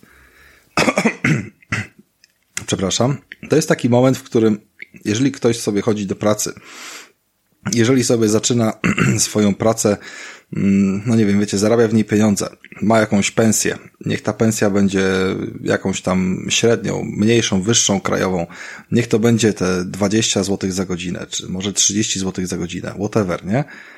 I nagle się okazuje, że ileś godzin poświęcasz na rozwiązanie problemu, to się okazuje, że straciłeś na to załóżmy 300 zł, kurwa, ze swojego wolnego czasu, który można by na różne sposoby przestąpić, a może to było 200, a może to było 500, bo coś się spierdoliło i nie działa. Powiem ci więcej, tu już nie chodzi o pieniądze. Ja będąc... Tu chodzi o to, że to ma no. kurwa działać i ja to zrobię, nie? Choćby nie wiadomo jakie koszty będą tego, e, pójdę po trupach i ja uruchomię telewizor, wiesz, kablem HDMI z nowym laptopem, bo jak ma to nie działać, nie? Spo spoiler takiego chuja. No, nie do końca takiego chuja, bo jak widziałeś, to mi się parę razy udało coś zrobić e, i nadal tak naprawdę nikt nie wie. Fantastycznie. No, słuchajcie, udało mi się w pewnym momencie puścić obraz. Udało mi się włączyć na każdym HDMI, e, aż z córką usiedliśmy na kanapie cali zadowoleni i pograliśmy sobie właśnie chwilę w BeamNG e, na telewizorze. Córka jeździła samochodem, ja siedziałem dumny, nagrywałem filmiki, zdjęcia wysyłałem chłopakom na grupie. Udało mi się, cały internet nie wiedział jak poradzić, a jednak mi się udało, no nie? No niestety moja radość była bardzo krótka, bo następnego dnia chciałem to powtórzyć, czyli podłączyłem kabel HDMI, włączam telewizor i chuj, taka dupa, nie? Znowu ten sam efekt. No to stwierdziłem, dobra, może z tym laptopem coś jest nie tak. E, I akurat właśnie tak jak słyszeliście, była promocja, więc oddawałem ten stary i brałem nowy. E, no i też pędziłem szybko do domu, pełen nadziei, że HDMI jednak zadziała z tym telewizorem. Pierwsze to właśnie to zrobiłem po odpakowaniu, e, po włączeniu. Nawet nie instalowałem Steama, nic, tylko kabel HDMI, pyk pod laptop, HD, HDMI pod telewizor, no i ten sam efekt, nie? Słuchajcie, cztery dni później, cztery dni walki z, z kablem HDMI, przeszukane praktycznie wszystkie zakątki internetu, posłuchane wszystkich specjalistów. E, generalnie to w ciekawą anegdotkę będę miał później odnośnie właśnie tych wszystkich specjalistów i, i, i informatyków na internecie, bo to jest tragedia, ale to o tym później może. No i finalnie jestem tak, e, tak skończyłem, że mam 7-metrowy kabel w domu HDMI, który nie wyświetla mi obrazu na moim telewizorze Sony i, i po prostu będę musiał czekać na aktualizację oprogramowania, może to coś pomoże. Także no, w tym całym fajnym uczuciu e, posiadania mocnego komputera do gier jest, dziek, jest łyżka dziegciu pod, pod stacią, że nie mogę podłączyć do telewizora, nie?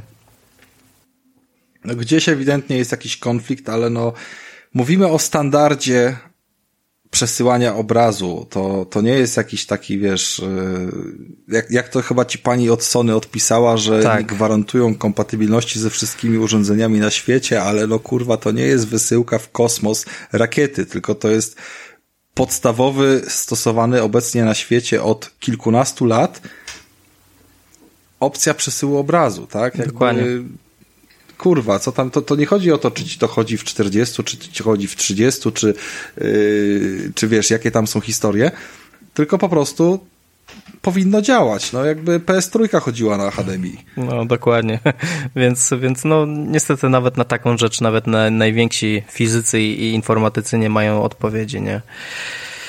Więc... No to prawda, no nic nie udało się zrobić. Dobra, słuchajcie, to przejdźmy może do gier, bo godzinka jebnęła mm, i w związku z tym po, po, powiedzielibyśmy sobie coś o, o tym, co... Już pozostajmy na chwilę przy tych pecetach, potem wejdziemy sobie jeszcze do, do jakichś gier, które, yy, które poza tymi pecetami mm, były ogrywane, chociaż w sumie chyba też są tam dostępne, bo, bo, bo tam akurat Game Pass yy, był ostatnio odpalany.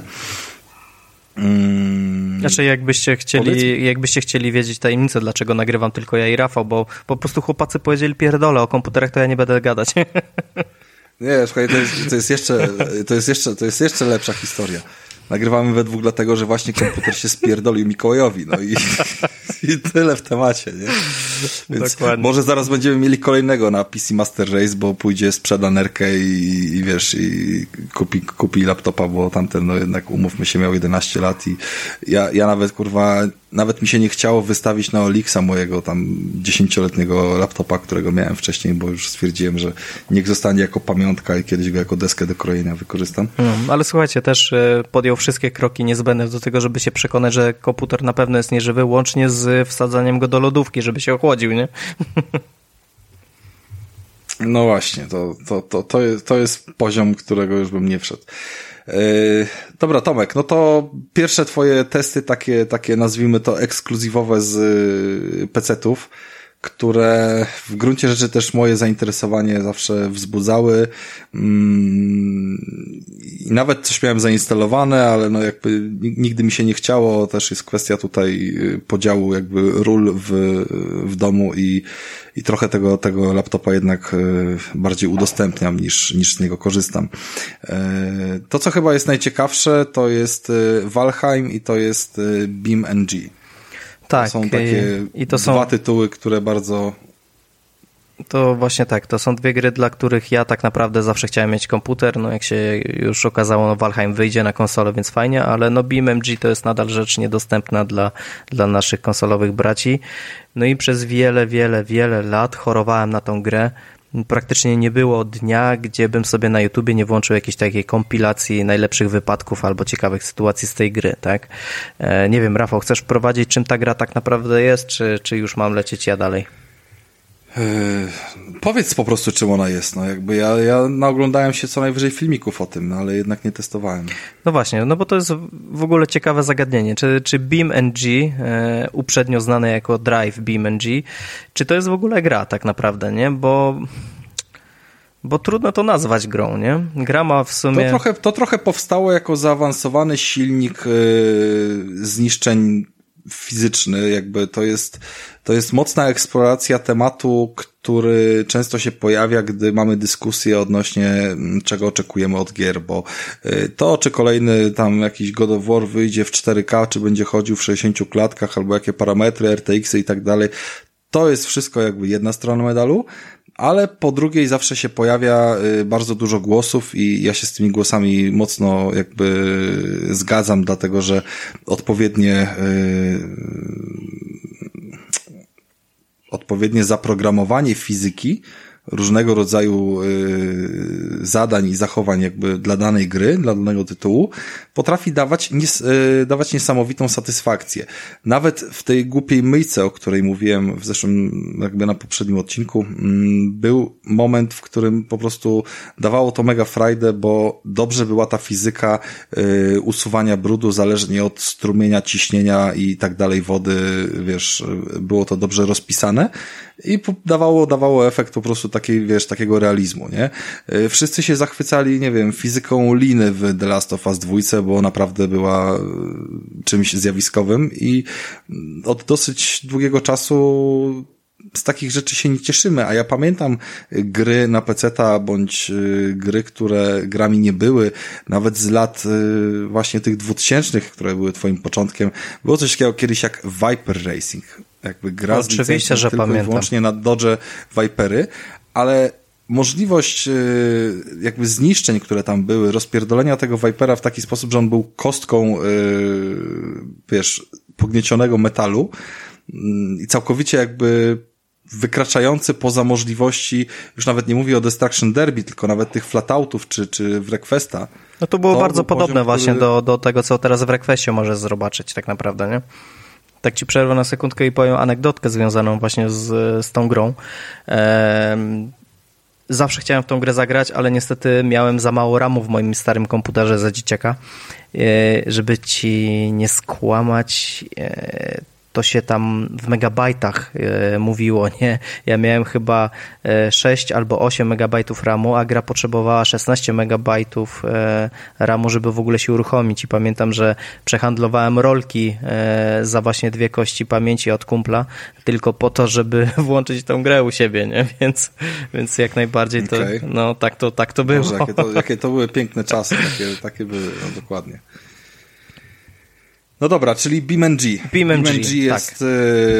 grą, która polega na prowadzeniu pojazdów y, z bardzo dobrze rozwiniętym i zaawansowanym silnikiem zniszczeń, polegającym na, na tym, że kolizja powoduje wgniecenia metalu, ale nie tylko karoserii, ale też y, uwzględniająca całą sztywność nadwozia, y, gdzieś tam koła i tak dalej, i tak dalej. Tam po prostu jesteśmy w stanie się zawinąć na drzewie, tak jak widzimy zdjęcia, które są po wypadku. Nie? No, jest taki, wyrzucałem na grupę właśnie porównanie prawdziwych crash testów z tym, co w grze ktoś zrobił. E, no i praktycznie to można powiedzieć z ręką na sercu, że to jest odzorowanie realnej fizyki jeden do jednego. Tak, cała gra, tak naprawdę cały ten Drive MG powstał jako taki projekt. E, on się nazywał Rigs of Roads e, dawno, dawno temu i twórcy tego właśnie, bo to silnik jest tak naprawdę fizyczny, twórcy tego silnika tak naprawdę się na tym skupili, ale w pewnym momencie stwierdzili, że fajnie by w sumie było zrobić dookoła tego silnika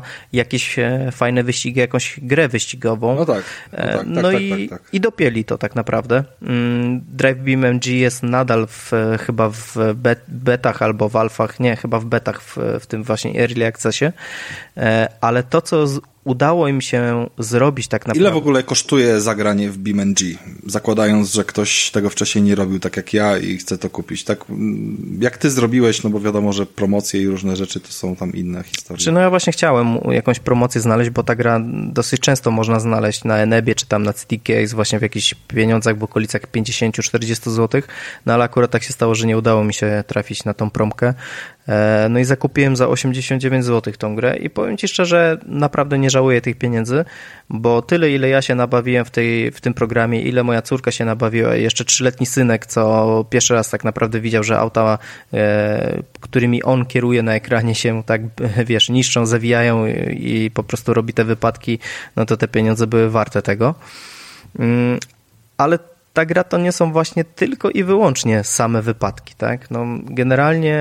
Mm... No nie, jakby o tym silniku chcę tylko powiedzieć okay. tyle, że jest pełno filmików y, w internecie, no wiadomo, streamy, wszystko i tak dalej, ale ogólnie nawet takich porównań, pokazujących y, symulacje crash testów y, prawdziwych, które się odbyły, typu samochód jakiś konkretny plus słup albo drugi samochód albo ściana i można to wszystko sobie obejrzeć w slow motion, jakby wygenerowane też przez BeamNG. E, tym bardziej, że BeamNG jest niesamowicie e, dobrze jakby zaopatrzony w scenę moderską i tam są modele pojazdów prawdziwych do pobierania, których nie ma, no wiadomo, w oryginalnej wersji gry, mm, które możemy sobie do, do, do, do gdzieś tam dopobierać i, i, i doładowywać. No, plus szereg innych funkcji, bo łącznie jakiś tam z multiplayerami, nowymi mapami, jakimiś tam innymi historiami, nie? Dokładnie. A jeszcze tak na chwilkę wracając do tej fizyki, to cały ten silnik e, jest oparty na, mm, na fizyce miękkich ciał. To się nazywa soft body physics e, i to właśnie na tym polega, że każdy element, każda część e, tak naprawdę podlega prawom fizyki, które, które są na żywo, tak? I łącznie z wytrzymałością, wytrzymałością na rozciąganie, na, na wyginanie i na tym polega cały bajer właśnie tego programu, nie? A jeżeli, no, dokładnie. a jeżeli jesteśmy już przy programie, no bo ja w sumie to tak nazywam, no bo to jest e, program do zabawy, tak? E, jak włączamy, włączamy ten program, no to jest jeden guzik, czyli baw się, tak? E, jedź. I możesz praktycznie wybrać parę różnych predefiniowanych map i możesz wybrać bardzo dużo różnych modeli aut. No i tak naprawdę robisz co chcesz, nie? To jest po prostu Garry's Mode w świecie, w świecie aut. E, ale ta zabawa, powiedzmy sobie, dosyć szybko się nudzi, no bo ile razy możesz się rozpędzić i walnąć przy, e, walnąć po prostu z całej prędkości w mur i patrzeć, jak ten, się, jak, jak ten samochód się po prostu gnie, tak? No ile tak można no robić? Zależy, czy masz 3 lata, czy 33. No ja spędziłem tak 3 dni przy tym, nie? więc, więc można długo. No to już, już parę, parę gier można by przejść też y, mniejszych przez to, więc w gruncie jest to warte wydanych pieniędzy, nie? Dokładnie. E, a potem tak naprawdę co zostaje nam do dyspozycji, bo e, oprócz tego, że właśnie włączamy mapę, planszę, można tak powiedzieć, i na to umieszczamy auto, to oprócz tego możemy właśnie mm, bawić się tym wszystkim. Możemy dodawać ruch uliczny, możemy dodawać e, policję, możemy dodawać różne zachowania tego ruchu ulicznego, że albo oni wszyscy od ciebie uciekają, albo wszyscy mają jeden priorytet, czyli po prostu ciebie złapać i gonić, więc to już dochodzi dodatkowy element e, do, do tej całej zabawy na tych, na tych mapach ale możesz też e, spawnować sobie pojazdy, mm, umieszczać je w konkretnych miejscach, rozpędzać się jak tylko ile fabryka ci dała w danym aucie i włączać tryb zwolnionego, e, zwolnionego po prostu czasu i patrzeć, jak to się wszystko realistycznie gnie, e, jak zderzenia wyglądają i z tego... Taki, e,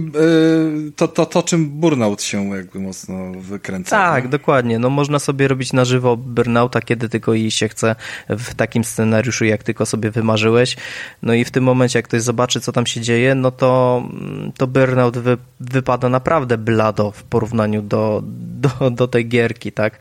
E, teraz Rafał tak patrzę, ile mam już godzin e, ogranych, no to wychodzi, myślałem, że mam więcej, ale to też nie jest wcale, wcale taka mała ilość, bo wychodzi, że mam 11 godzin ograne już w, w BeamNG, nie?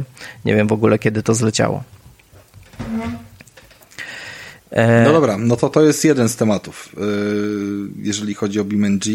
Myślę, że to jest warte sprawdzenia w taki czy w inny sposób chociażby po to, żeby zobaczyć, jak wyglądają takie właśnie realne silniki zniszczeń, faktycznie co się może wydarzyć od drobnej przycierki gdzieś tam nawet e, do, do, do tego, jak się e, auto zawinie na latarni. Ja zawsze gdzieś tam jestem bliski takim rozwiązaniom i nawet e, super fascynujący pod kątem modelu zniszczeń Wreckfest od twórców Flatouta nie jest no przecież idealny. On daje niesamowitą satysfakcję, ale te samochody potrafią jechać zgniecione w pół, więc jakby no to jest wciąż gra, która ma swoje po prostu uproszczenia i one muszą być takie, żeby nie, nie wkurwiać tego gracza za, no, za bardzo. No musi być to arcade, nie? Tutaj masz pełną symulację na 100%. Do tego stopnia, że nawet kontakt z malutkim e, krawężnikiem pod niefortunnym kątem przy dużej prędkości praktycznie dyskwalifikuje, dyskwalifikuje cię po, po, do kolejnej jazdy, nie?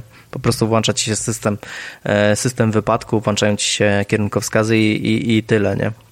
Nie wiem, czy, czy bawiłeś się na tyle, czy w ogóle ty się bawiłeś, bo ci udostępniłem że tam... Nie no, jakby nie, ja w ogóle tego nie zainstalowałem, okay. więc jakby tylko gadamy o tym, ale ja wiem tyle, co widziałem, mm -hmm. a mhm. nie tyle, co, co grałem. No to na przykład y, jest tam taka opcja, o której też nie wiedziałem, bo myślałem, że tylko się skupiałem po prostu na gnięciu blachy, że możesz tam po prostu auto przegrzać, że możesz rozwalić sobie miskę olejową, tracisz olej i po prostu auto zaczyna się ci przegrzewać. Możesz y, stracić hamulce, możesz przegrzać hamulce, więc już jakieś aspekty takiego po prostu sim racera też tutaj są już zawarte w tym etapie, w tym konkretnym, mm, w tym konkretnym aspekcie po prostu oni ten projekt rozwinęli z tego, co ja widziałem z pierwszych filmików, e, do tego, czym ta gra tak naprawdę jest e, teraz. I nie zdziwię się, że jeżeli będą kontynuować tą drogę, w którą idą, to za jakiś czas można powiedzieć, że będziemy mieli taki definitywny symulator wyścigowy, nie? Łącznie z trasami, gdzie będzie się wiele osób w multiplayerze ścigać i będą brane pod, pod uwagę wszystko, no, łącznie z przetarciami czy wypadkami, które cię na pierwszym zakręcie cię dyskwalifikują tak naprawdę z całego wyścigu, nie? No okej. Okay. No dobra, no to kończymy, bo BeamNG. Zobaczmy, co, co jeszcze ewentualnie możemy sobie ruszyć. Tak, jeszcze e, tylko dodam do BeamNG, że właśnie oprócz tej swobodnej rozgrywki, tego swobodnego, swobodnej zabawy, e, macie przygotowane przez twórców takie jakby mm, scenariusze i kampanie, co, co właśnie mnie bardzo zaskoczyło, bo myślałem, że cała gra polega tylko na tym, że jedziesz, robisz i niszczysz co chcesz. E, mamy scenariusze i te scenariusze są różne. Od momentu, że jesteś na przykład wozem policyjnym i masz za zadanie w jak najkrótszym czasie zatrzymać e, e, pojazd, który ścigasz. No i jak wiadomo, podczas pościgów szybkiej prędkości dużo może się zdarzyć i możesz wpaść w różne, w różne dziwne zakręty, zrobić stłuczkę, zderzenie i tak dalej, więc to fajne jest. Są też tak na... na... To ja bym tutaj... Mhm. Po, po, po, poczekaj chwilę. Mm. No taki motyw scenariuszy i tego typu rozwalania tutaj bardzo mi uruchamia jakby pewne wspomnienie. E, jest taka gra i była taka gra kiedyś jak Driver. Tam też były modele zniszczeń, oczywiście dalej pod arcade mocno uproszczone, żeby dało się jednak coś, coś zrobić, ale, ale były one zaawansowane jak na przynajmniej gry wyścigowe, e, czy tam związane z prowadzeniem aut. E, I Driver San Francisco, który wyszedł na PS3, w sensie na tą generację konsol, bo wiadomo, że tam gdzieś na Xboxie chyba też był, 360C. E, to była gra, którą uwielbiałem, którą bardzo dobrze mi się grało i ona miała jedną niesamowitą rzecz, poza jakby samą główną fabułą i, jakby tym, yy, tą historią, która gdzieś tam sobie kręciła, też właśnie były takie scenariusze, tylko, że te scenariusze, które yy, zostały tam przez twórców za, za, zaimplementowane, może bez stuprocentowego jakby poszanowania licencji, ale mocno się opierały o na przykład mm, klasyczne pościgi z kina akcji, tak? Był tam odwzorowany bardzo dobrze pościg z Blues Brothers, był tam odwzorowany pościg e, uznawany jeden z na, najsłynniejszy z e, całego kina akcji, czyli mm, z, Boże, z McQueenem, nie? Który, który się e, Mustangiem, bossem, wiesz, zielonym ścigał z czarnym Chargerem. E, bullet? Trzeba było się no, Bullet, o właśnie Bullet, nie? Więc yy, było takich jakby dużo akcji, były to mega satysfakcjonujące wyścigi, bo, bo tam się, wiesz, zmieniał mm, filtr na kamerze obrazu, była muzyczka odgrywana, nawet, nawet chyba pojazdy, które się wyświetlały na ulicach też były przerabiane, w sensie były ograniczane tylko do tych e, aut z epoki, żeby to sprawiało wrażenie, że wiesz, że tylko jeździsz w latach 70., a nie w, w bieżącym okresie. I klimat wejścia w ten, w ten, w ten, wiesz, y, filmowy maraton pościgów był zajebisty. Nawet jeżeli to po prostu można się było tego nauczyć, odklepać i nie miało aż takiego realizmu w sobie, jak wiesz, jak mógłby BMG yy, zaoferować. Czy BMG oferuje coś takiego, jak właśnie takie nie tylko scenariusz, że a, jedziesz i masz zrobić A i B, tylko że one faktycznie odnoszą się do jakichś, wiesz, yy, fajnych historii. Wiesz co, nie tak dosłownie, jak ty to mówisz, e, ale na pewno jakąś garstkę filmografii byś tam e, sobie skojarzył, bo na przykład ten pościg, o którym mówiłem, e, no to on był bardziej w klimatach Dukes of Hazards, tylko że po prostu nie mieliśmy tego pomarańczowego auta sławnego, mm, ale no troszkę nuta takiego Dukes of Hazzard byś do tego właśnie podpiął, nie? E, bardziej te mhm. scenariusze polegają na tym, żeby po prostu wykorzystać mapę, która jest i pojazdy, które są do jak najdziwniejszych misji, tak? Bo z jednej strony masz ten pościg, e, następnie masz scenariusz, który po prostu jest zwykłym wyścigiem dookoła całej mapy e, najszybszymi autami dostępnymi. Powiem ci tak, spoiler, na, na streamie nie mogłem pierwszego zakrętu pokonać po prostu. E, dosyć trudny jest, e, a z drugiej strony masz takie typowo zabawowe rzeczy, jak na przykład masz ciężarówkę, która przewozi e, masę aut i, i musisz się zmieścić w wyznaczonym czasie, więc automatycznie no, lecisz po bandzie, jedziesz troszeczkę szybciej, więc z tą fizyką się różne śmieszne rzeczy dzieją, auta ci wypadają albo wchodzisz w poślizgi, no i e, kasujesz tą ciężarówkę. Po takie rzeczy typowo już e, arcade'owe, że masz widok z góry, gdzie kierujesz pick-upa, ale autko sterowane, zdalnie sterowane, no i musisz unikać kul armatnych, które w ciebie lecą, albo innych e, przeszkadzajek, e, które ci po prostu e, zakrywają widoczność, tak? Coś ala etapy z Crash, Crash Bandicoota, jak lecisz od tej kulki, nie? Od tego głazu, wiem, nie? Wiem, wiem, było, było no.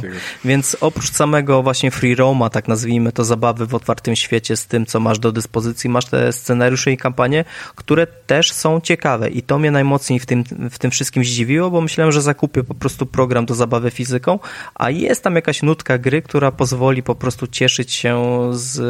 W momencie, kiedy się znudzisz jednym elementem tego całego programu, po prostu przechodzisz do drugiego e, i myślę, że tak naprawdę jak więcej czasu będę miał, to tak naprawdę porządniej do tego usiądę, bo ilość modów i ilość rzeczy, które można tam dodać i zmienić jest po prostu niesamowita i aż przytłaczająca, bo sam moduł właśnie multiplayera, gdzie się ścigasz na mapach z innymi ludźmi i fizyka w żadnym stopniu nie jest ograniczona, jest czymś niesamowitym, czego jeszcze nie doświadczyłem, tak, że wystarczy kolizja, e, jakieś tam przepychanie się na torze z innym samochodem e, i tak naprawdę może zakończyć się dla ciebie albo dla tej drugiej osoby po prostu zakończeniem wyścigu, a nie jak w Wreckfestie, tak jak sam powiedziałeś, że tam kadłubki jeździły po wyginanie niesamowicie i dalej można było jeździć, nie? No dobra, Tomeczku, to będziemy robili tak, że skończymy sobie już yy, typowe, typowe PC-towe yy, zabawy. Zobaczymy w, w, jakim kierunku jeszcze, jeżeli chodzi o gry, pójdziemy, czy, czy sięgniemy jeszcze coś z tych PC-ów, czy, czy skupimy się też na gierkach, ale Jasne, tylko dajmy jeszcze, dajmy... jeszcze ci przerwę, no. niestety tak to jest jak się we dwójkę nagrywa, nie ma deski ratunku pod, pod postacią Krystiana albo Mikołaja. E, Euro Truck Simulator 2. Słuchaj, nie wiem, czy się tym bawiłeś. Rozumiem, rozumiem, że to jest coś, o czym musisz powiedzieć. Znaczy, Muszę. Słuchaj, Eurotraki są też na konsolach, ale no przede wszystkim wchodzimy w bardzo głęboki temat i poruszamy... Nie ma Eurotraków na konsolach temat. przecież. Nie ma Eurotraków? No właśnie nie ma. Jestem pewny na 100%. Nie ma Eurotrack Simulator na konsolę. No dobra, no to ja coś, coś, coś gdzieś mnie ominęło, bo wydawało mi się, że, że można to ogarnąć. E, no teraz mnie wątpliwość poddałeś, ale jestem na 99,99% przekonany, Nie no, ale że nie może ma. inaczej, dobra, może, może, może wróć, może inaczej. Nie ma konkretnie Euro Truck Simulatora, ale jest coś takiego jak na przykład Bus Simulator. A nie? no to tak. Albo Truck Driver, albo wiesz, jakieś tego typu gry. I one, no, bądź co bądź są z tej samej kategorii, więc y, jeżeli ktoś ma mieć frajdę z tego, że będzie sobie po prostu zapierdalał po y, prawdziwym świecie i, i, kierował dzięki temu, nie wiem, tam autobusem, ciężarówką czy, czy coś w tym stylu, to jest w stanie sobie coś tam znaleźć. Natomiast y, chodzi o to, że zarówno BeamNG, jak i, jak i taki Eurotrack Simulator, jak i wiele, wiele innych gier może ogromnie zyskać dzięki otwartości na mody. No i jakby tutaj, tutaj jest pełne pole do popisu na PC i niestety wymaga to roboty, tak, zaangażowania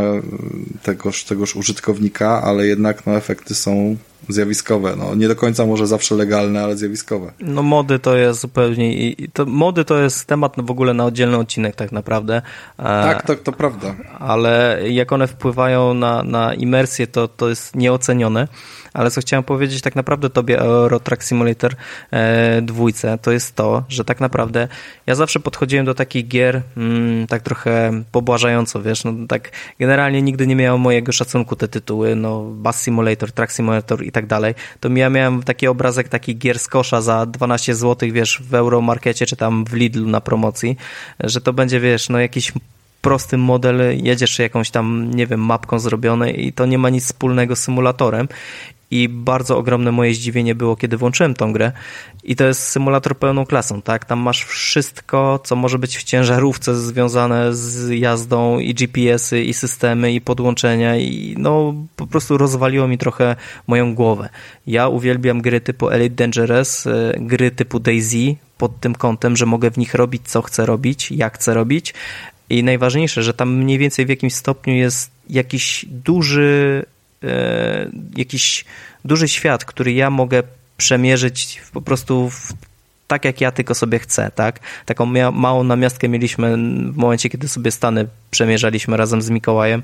E... No dokładnie, to był ten klimat, który dawał frajdę, no tylko, że, że dzięki Bogu innymi autami niż ciężarówki. No i właśnie tak myślałem, że ten Euro Truck Simulator 2 to jest taka popierdółka, ale okazało się, że tam jest naprawdę cała Europa i ja mogę sobie wziąć, wiesz, e, od punktu A do punktu B ustawić 12-15 tysięcy kilometrów i po prostu jechać. Oczywiście nie w czasie rzeczywistym, chociaż też możesz takie coś zrobić, ustawić, ale to już jest zabójstwo. Chyba bym tego nie, nie ogarnął ale jedziesz, włączasz sobie radio, wybierasz sobie RMF FM i jedziesz, chłopie, i jedziesz jak, jak kierowca ciężarówki, nie? I to, to mnie urzekło, że naprawdę spędziłem przy tej grze, poczekaj, daj mi chwilkę, to jest fajne w Steamie, że mogę sobie na bieżąco od razu podejrzeć, ile czasu się spędziło w danej grze. No i słuchaj, ja już mam tam 10 godzin ograne, nie? Po prostu jadąc przed siebie drogą, i słuchając radia, nie? Niesamowite. Myślałem, że takie rzeczy, takie rzeczy nie będą w stanie mnie zaskoczyć, a jednak te, te gry na komputerze mają takie te ciekawe rzeczy, których się na konsolach aż tak często nie doświadczy. Możemy lecieć dalej, Rafał, już nie będę nic opowiadać. No dobra, no to słuchaj, to zróbmy jedną z gierek, która ostatnio yy, trochę Trochę szumu o niej było, trochę szumu o niej było, ale jednocześnie myślę, że dosyć mocno została stłamszona, tak e, bym powiedział, społecznościowo, jeżeli chodzi o jakieś internety, socjalki i, i ogólną podnietkę. Mm, dlatego, że dzień premiery został wytypowany na ten sam moment, e, kiedy no krótko mówiąc, no Game Pass wrzucił y, As Dusk Fall, a, a w tym samym momencie y, PlayStation ze swoim plusem wrzuciło Straya. O Stray już powiedzieliśmy. Mm, ja co prawda podczas nagrywania odcinka jeszcze gry nie miałem ukończonej, ale y, nic tak naprawdę nie mam więcej do powiedzenia niż, niż to, co było wcześniej i jestem zadowolony gdzieś tam z przejścia tego. Natomiast As Dusk Fall też przeszedłem, też ty przeszedłeś. Myślę, że historie mieliśmy inne. Może nie będziemy mocno spoilować, ale może sobie jakoś yy, tam dyskretnie powiemy, yy, co się wydarzyło, a co nie. I tych scenariuszy na pewno jest dużo ale na pewno chciałbym o tej grze powiedzieć, bo, bo to jest jeden z tych, yy, to jest jeden z tych tytułów, który jednak był tam na kilku pokazach co najmniej Microsoftu promowany, pokazywany. Ja od razu wiedziałem, że to nie będzie nic dynamicznego, że to będzie klikacz, jeżeli chodzi o, o przejście przez story, ale takie gry też są potrzebne. Yy, jakie są twoje wrażenia? Co, co, co byś w ogóle tutaj powiedział wiesz, wiesz co, no na pewno, tak jak właśnie mówisz, ta gra się pojawiła, wiesz, y, tak naprawdę znikąd, nie? Na jakiejś tam konferencji Microsoftu w jakiś tam zwiastun wrzucili, no i, i, i tak naprawdę ta gra zainteresowała swoją oprawą graficzną, tak? I stylem, stylem właśnie takiego interaktywnego komiksu. E, jakoś tak mi za mocno w pamięć ona nie zapadła, jakoś, jakoś mega nie czekałem na tą grę. No i tak jak mówisz, pojawiła się w Game Passie, Okazało się, że to jest przygodowa gra z wyborami, które wpływają na Twoją przygodę. Ja takie gry bardzo, bardzo lubię. E, no i akurat się tak okazało, że z narzeczoną mieliśmy wolny wieczór. No i proste pytanie, gramy razem? Ona powiedziała, że tak, no to włączyliśmy w dwie osoby. No i zaczęliśmy w to grać. Powiedz mi, jak to wygląda w kontekście gry w dwie osoby, bo, bo ja to odpalałem w pojedynkę tylko. Mm, natomiast widziałem, że tam jest opcja w ogóle wyłączenia sobie jakby zabawy sterowanie padem, podłączenia telefonów i, i przez jakąś aplikację decydowanie głosowaniem, na przykład w kilka osób, o tym, jaki wybór mamy podjąć w danym momencie, nie? Bo, bo tam się w ogóle postacią nie poruszamy. Tam oglądamy coś, co można by nazwać, jeżeli chodzi o styl artystyczny, interaktywnym komiksem. Yy, tła są, jakby kamera po tłach się przesuwa płynnie, te tła są trójwymiarowe yy, i, wiele elementów jakby jest rozgrywanych na żywo, wiecie, tutaj coś błyszczą, jakieś światła i tak dalej, telewizor się mieni, ale postacie chodzą tak, jakby to były kolejne yy, często wymieniane yy, kadry komiksu, nie? Więc widzimy po prostu Czyli... ręcznie prawdopodobnie narysowane obrazki. No, wiesz jak to Rafał które, wygląda? Które to wygląda, nie wiem, czy się interesujesz czymś takim, ja się tym bardzo interesuję. Jak się robi scenariusz do filmów i potem e, się robi pierwsze takie zdjęcia, się robi tak zwany storyboard e, i to właśnie na tym no, polega, nie? To, to, to tak jakbyś miał właśnie storyboard To wygląda jak storyboard, to, to potrafi na początku irytować, dlatego że podczas pierwszej tam, nie wiem, godziny gry czy coś w tym stylu, to, to masz taki trochę fuck up, że, że grasz w grę, która działa ci w nawet nie pięciu FPS-ach, tylko jednej czwartej FPS-a, nie? To jest taki tak. klimat. Ale szybko się to, ten efekt niweluje, nie wiem czy u Ciebie Ale ten tak efekt było. się mieni, można się przyzwyczaić jak najbardziej i, i, i okej. Okay. Ja mam na pewno problem z tego typu grami, które nie angażują do końca i moment, w którym to zaangażowanie się pojawia, gdy ono jest sprowokowane do tego, żeby podjąć jakiś wybór w określonym czasie, tudzież zrobić jakieś quick time action, które też jest w określonym czasie, to jest dla mnie niewłaściwe, dlatego że ja oglądam historię i nigdy nie wiem, kiedy to się wydarzy i ja wcale może wtedy nie chcę mieć, no bo słucham jakiegoś dialogu, mogę w międzyczasie sobie sięgać po, wiesz, po drinka, po papierosa i wcale nie muszę chcieć wtedy chwycić szybko pada w połowie dialogu, żeby zrobić, wiesz, quick time action albo, albo zrobić jakiś wybór. Więc to jest coś, co troszeczkę mi irytowało i naprawdę żałowałem, że w ogóle nie wyłączyłem tej opcji. Na szczęście jest w e, ustawieniach opcja wyłączenia w ogóle quick time action i wydaje mi się, bo, bo ktoś mi opowiadał, że grając przez to, mm, przez tą opcję na telefonach, tak jakby głosowania, bo to jest fajne. To akurat scenariusz taki, że siedzimy sobie we trójkę czy we czwórkę i zamiast napierdalać w planszówkę, to oglądamy sobie ten interaktywny, nie wiem, komiks, yy, wkręcamy się jakby w tą akcję, bo ona potrafi gdzieś tam zaangażować i, i de facto nie wiemy, jakie pójdą wybory, bo to dopiero grupa o nich zadecyduje to jest spoko pomysł, nie? Bo, bo no tego gdzieś spoko. tam brakowało w grach, które były pokrewne. Tutaj chyba najbliżej można by e, postawić jakiegoś, nie wiem, Detroit, jeżeli chodzi o, o konstruowanie linii fabularnej. Mhm. Natomiast Tylko no, bez Detroit opcji chodzenia, nie? też no właśnie Detroit wymagało opcji jeszcze przejścia z punktu A do punktu B, sporadycznego tam coś kliknięcia w jakimś miejscu i tak dalej, a tutaj tak naprawdę wszystko było mm, przedstawione na planszy. Mamy albo opcję wyboru y, działania czy opcji dialogowych, albo mamy opcję jakiegoś ekranu, po którym klikniemy myszką i wybierzemy, co z tego, co widzimy, możemy zrobić i jakby od tego się kolejne gdzieś tam jakieś zakręcą wydarzenia, bo nie wiem. Wiesz, jakie mam... Przykładowo gości... Wiesz, jakie mam śmieszne skojarzenie z czym ta gra jest? Nie wiem, czy kojarzysz, mm, są takie Tiger Shoty. To są takie małe puszki e, Tigera, energetyka, napoja energetyzującego, który tak naprawdę jest, ma, ma, ma te same stężenie co puszka, tylko po prostu nie musisz pić tam 250 ml, tylko tam sobie bierzesz 50, nie? Na raz, nie? Mm, no tak, tak. Jest tak. to bardzo gorzkie. Wódka, wódka zamiast piwa no jest to bardzo gorzki ten taki energetyk w mniejszy, mniejszym wydaniu, ale to jest właśnie ty, to, czym jest ta gra, nie? Te duże puszki Tigera to są po prostu te wszystkie pozycje od Telltale, e, właśnie tak jak mówisz, Detroit, Become Human, e, Human e, Until Dawn tak naprawdę, a tu masz As Dusk Fall, to jest po prostu taki shot tego, tej całej kwintesencji tych gier, czyli wyborów i tego, jak te wybory kształtują dalej naszą, naszą opowieść, fabułę, czy tam e, tudzież zakończenia. Ale pytałeś mnie się, jak to się gra właśnie w parę osób i no gra się z jednej strony fajnie, ale z drugiej strony kompletnie w dwie osoby to się mija z celem, gdyż e, no masz żeby... 50% szans. Dokładnie. moim zdaniem albo 3, albo 5 i jakby to nie ma prawa inaczej funkcjonować niż, niż w jakiejś nieparzystości. Co więcej ci dodam jeszcze to, że nie wiem jak jest w przypadku jak e, 3 osoby, 4 czy tam, bo tam chyba nawet do 8 można ludzi dołączyć i to przez internet, czy to na kanapie. Ale jak ja grałem z moją Anią, to niestety wyglądało to tak, że jeżeli ja się decydowałem na opcję A, a ona na opcję B, to wychodziło na jej, a następny wybór, jeżeli znowu się nasze wybory rozmijały, to wychodziło na moje, czyli na przemian. Czyli na zmianę. Na zmianę, dokładnie. I w momencie, kiedy my to wykumaliśmy tak naprawdę, to nie miało znaczenia, czy ja się zgodzę z nią, czy nie zgodzę, bo jeżeli wiedziałem, że jest jej kolejka, to i tak naprawdę miałem, e, ja miałem to w dupie, a ona była zadowolona, że wyjdzie na jej e, to, co ona sobie wybiera. Więc... A czy to jest, to jest w ogóle totalnie moim zdaniem mijający się z celem system, dlatego że jeżeli, bo tam w ogóle jest coś takiego, że masz sześć rozdziałów, nie? E, w tych rozdziałach sobie y, kierujesz jakąś tam postacią główną, y, mogą być jakieś wątki innej postaci, ale, ale co do zasady w każdym rozdziale masz jakąś postać, którą kierujesz, to może być ta sama postać, to może być inna niż poprzednio.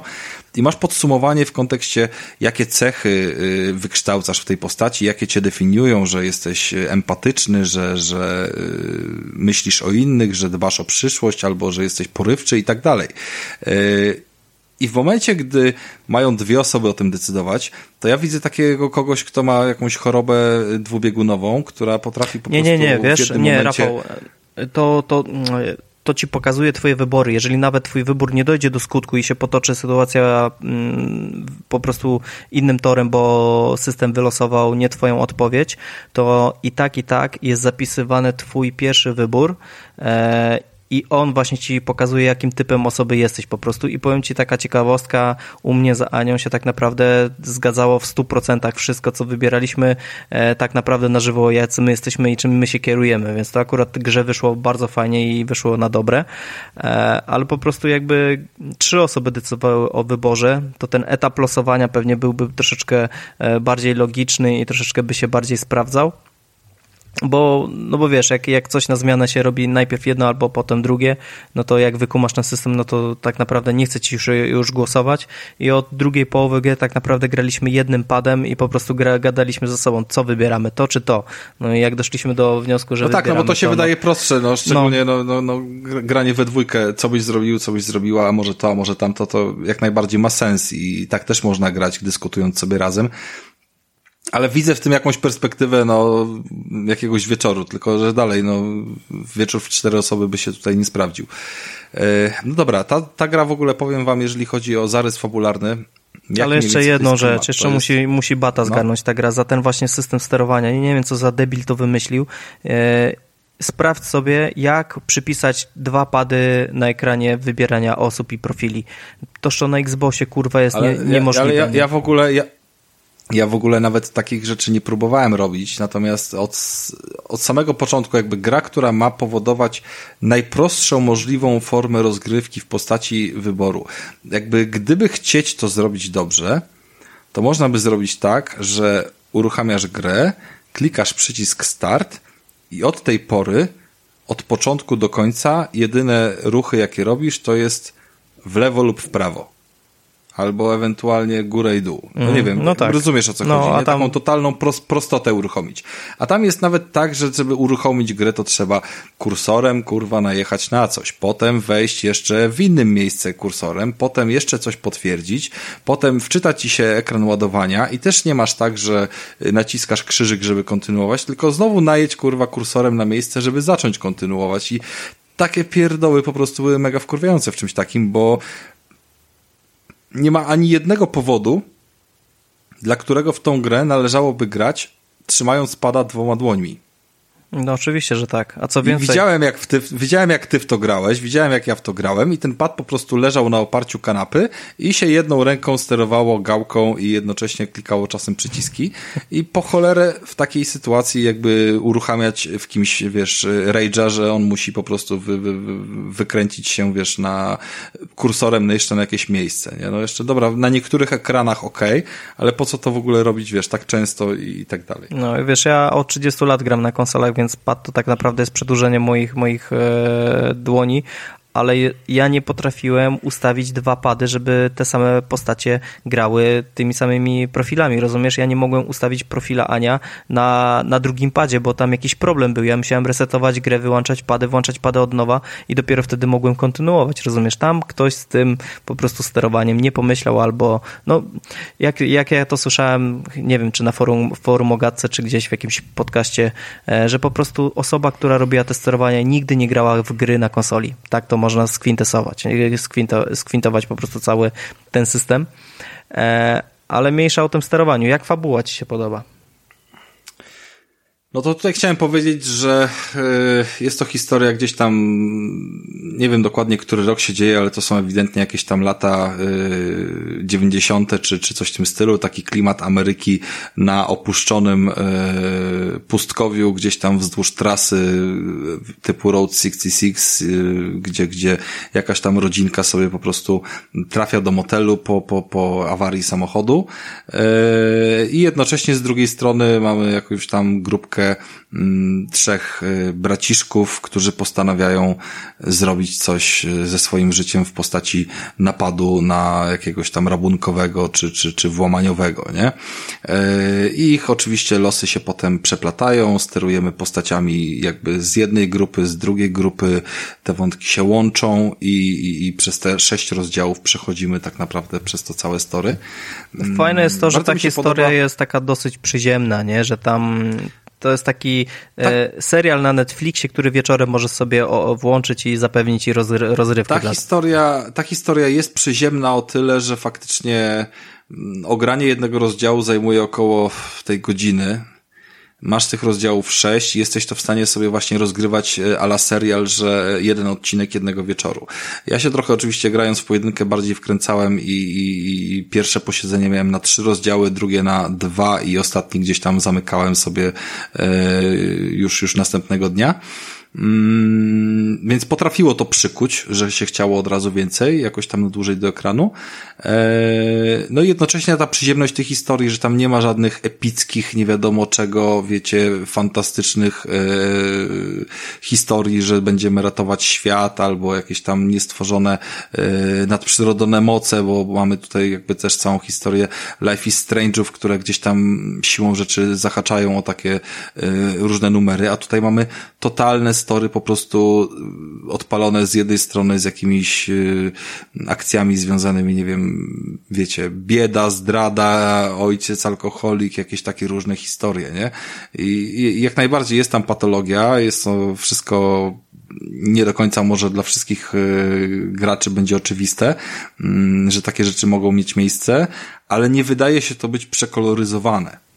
Mm, to prawda, Aż ale, tak bardzo. ale z drugiej strony zauważyłem, nie wiem czy też zauważyłeś, ale mm, troszeczkę zbyt bardzo stereotypowi się e, ci bohaterowie e, że tak powiem, rysują przez całą tą grę. Co ciekawe w grze, o której później powiemy, w The Quarry, właśnie tutaj tego uniknęli, ale e, przy tak przyziemnej właśnie historii, takiej normalnej historii, powiedzmy sobie napadu i tam właśnie jakiejś perypetii rodziny, która wyjeżdża gdzieś, to od razu można było po samych właśnie mm, postaciach, jak są narysowane, jak, jak się zachowują, jak odpowiadają, zobaczyć takie typowe stereotypy. Nie wiem, czy ty to zauważyłeś.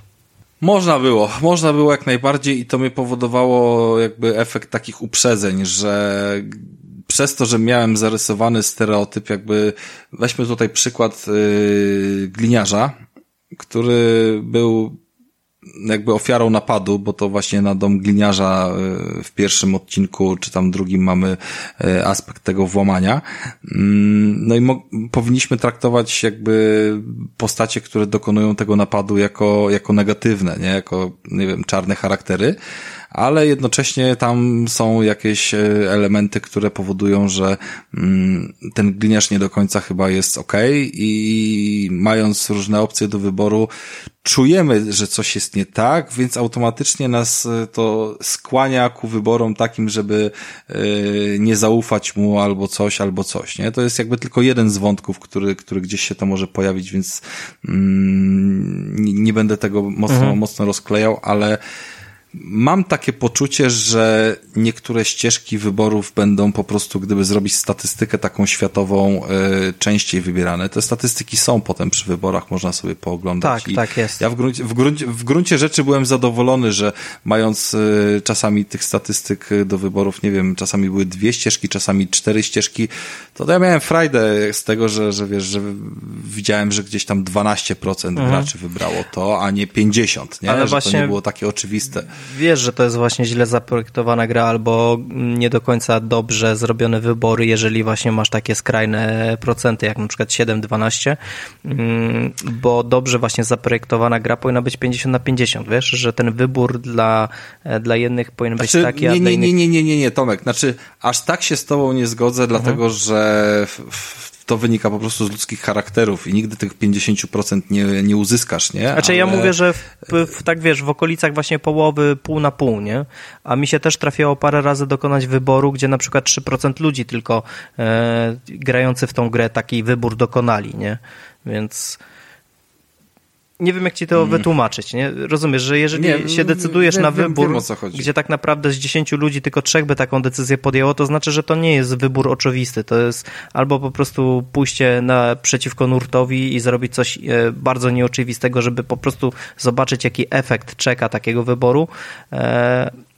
Albo, no nie wiem, no. Ale wiesz, ale, ale z drugiej strony, dobra, ale z drugiej strony poddając to w dyskusję, to może być tak, że y, ty i ja, załóżmy, dzięki naszemu doświadczeniu w, wiesz, nie wiem, w grach, w popkulturze i ogólnie świadomości tych różnych schematów, jesteśmy w stanie dostrzec szczegóły, dostrzec szczegóły, które powodują, że, że widzimy, do czego to zmierza i w związku z tym wychodzimy temu naprzeciw, dając jakiś wybór.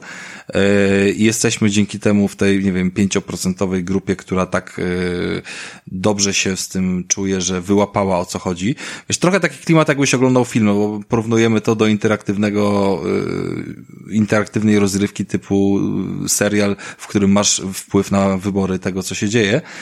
Mm, No ale często masz tak, że oglądasz jakiś film albo serial i w połowie albo w pierwszych pół godzinie mówisz ten jest zły, albo ten zabije tego, albo to się skończy tak, nie?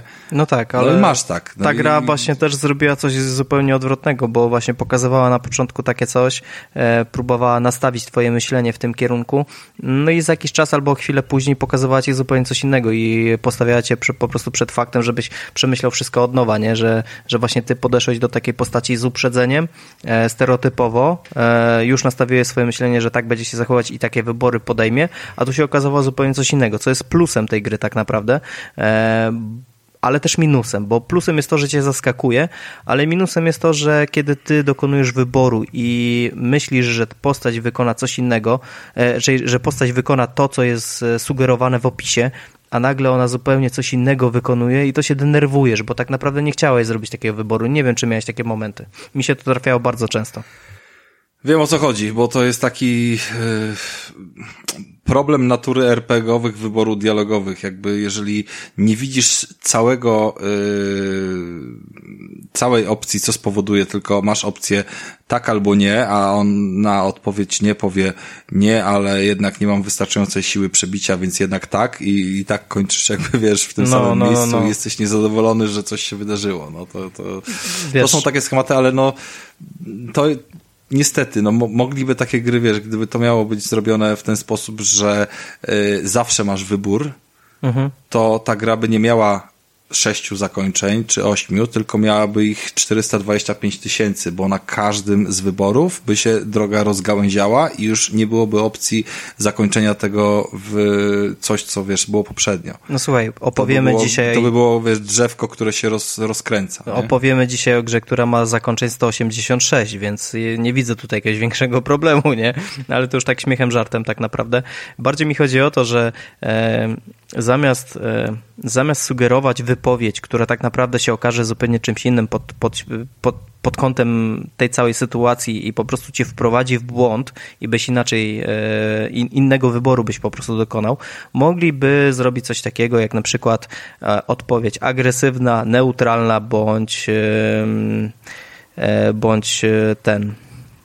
No, wiesz o co chodzi, tak? Albo neutralna, Tak, agresywna, tak, tak, albo tak, po tak, prostu e, nie kłócąca się, nie? Wiesz, to wtedy już mniej więcej byś miał kontekst, jaki zostanie te użyte, czy jak tam się dalej potoczy dialog i jakie będą rzeczy, to mniej więcej będziesz wiedział, że było to spowodowane, spowodowane tym, że byłeś agresywny, nie?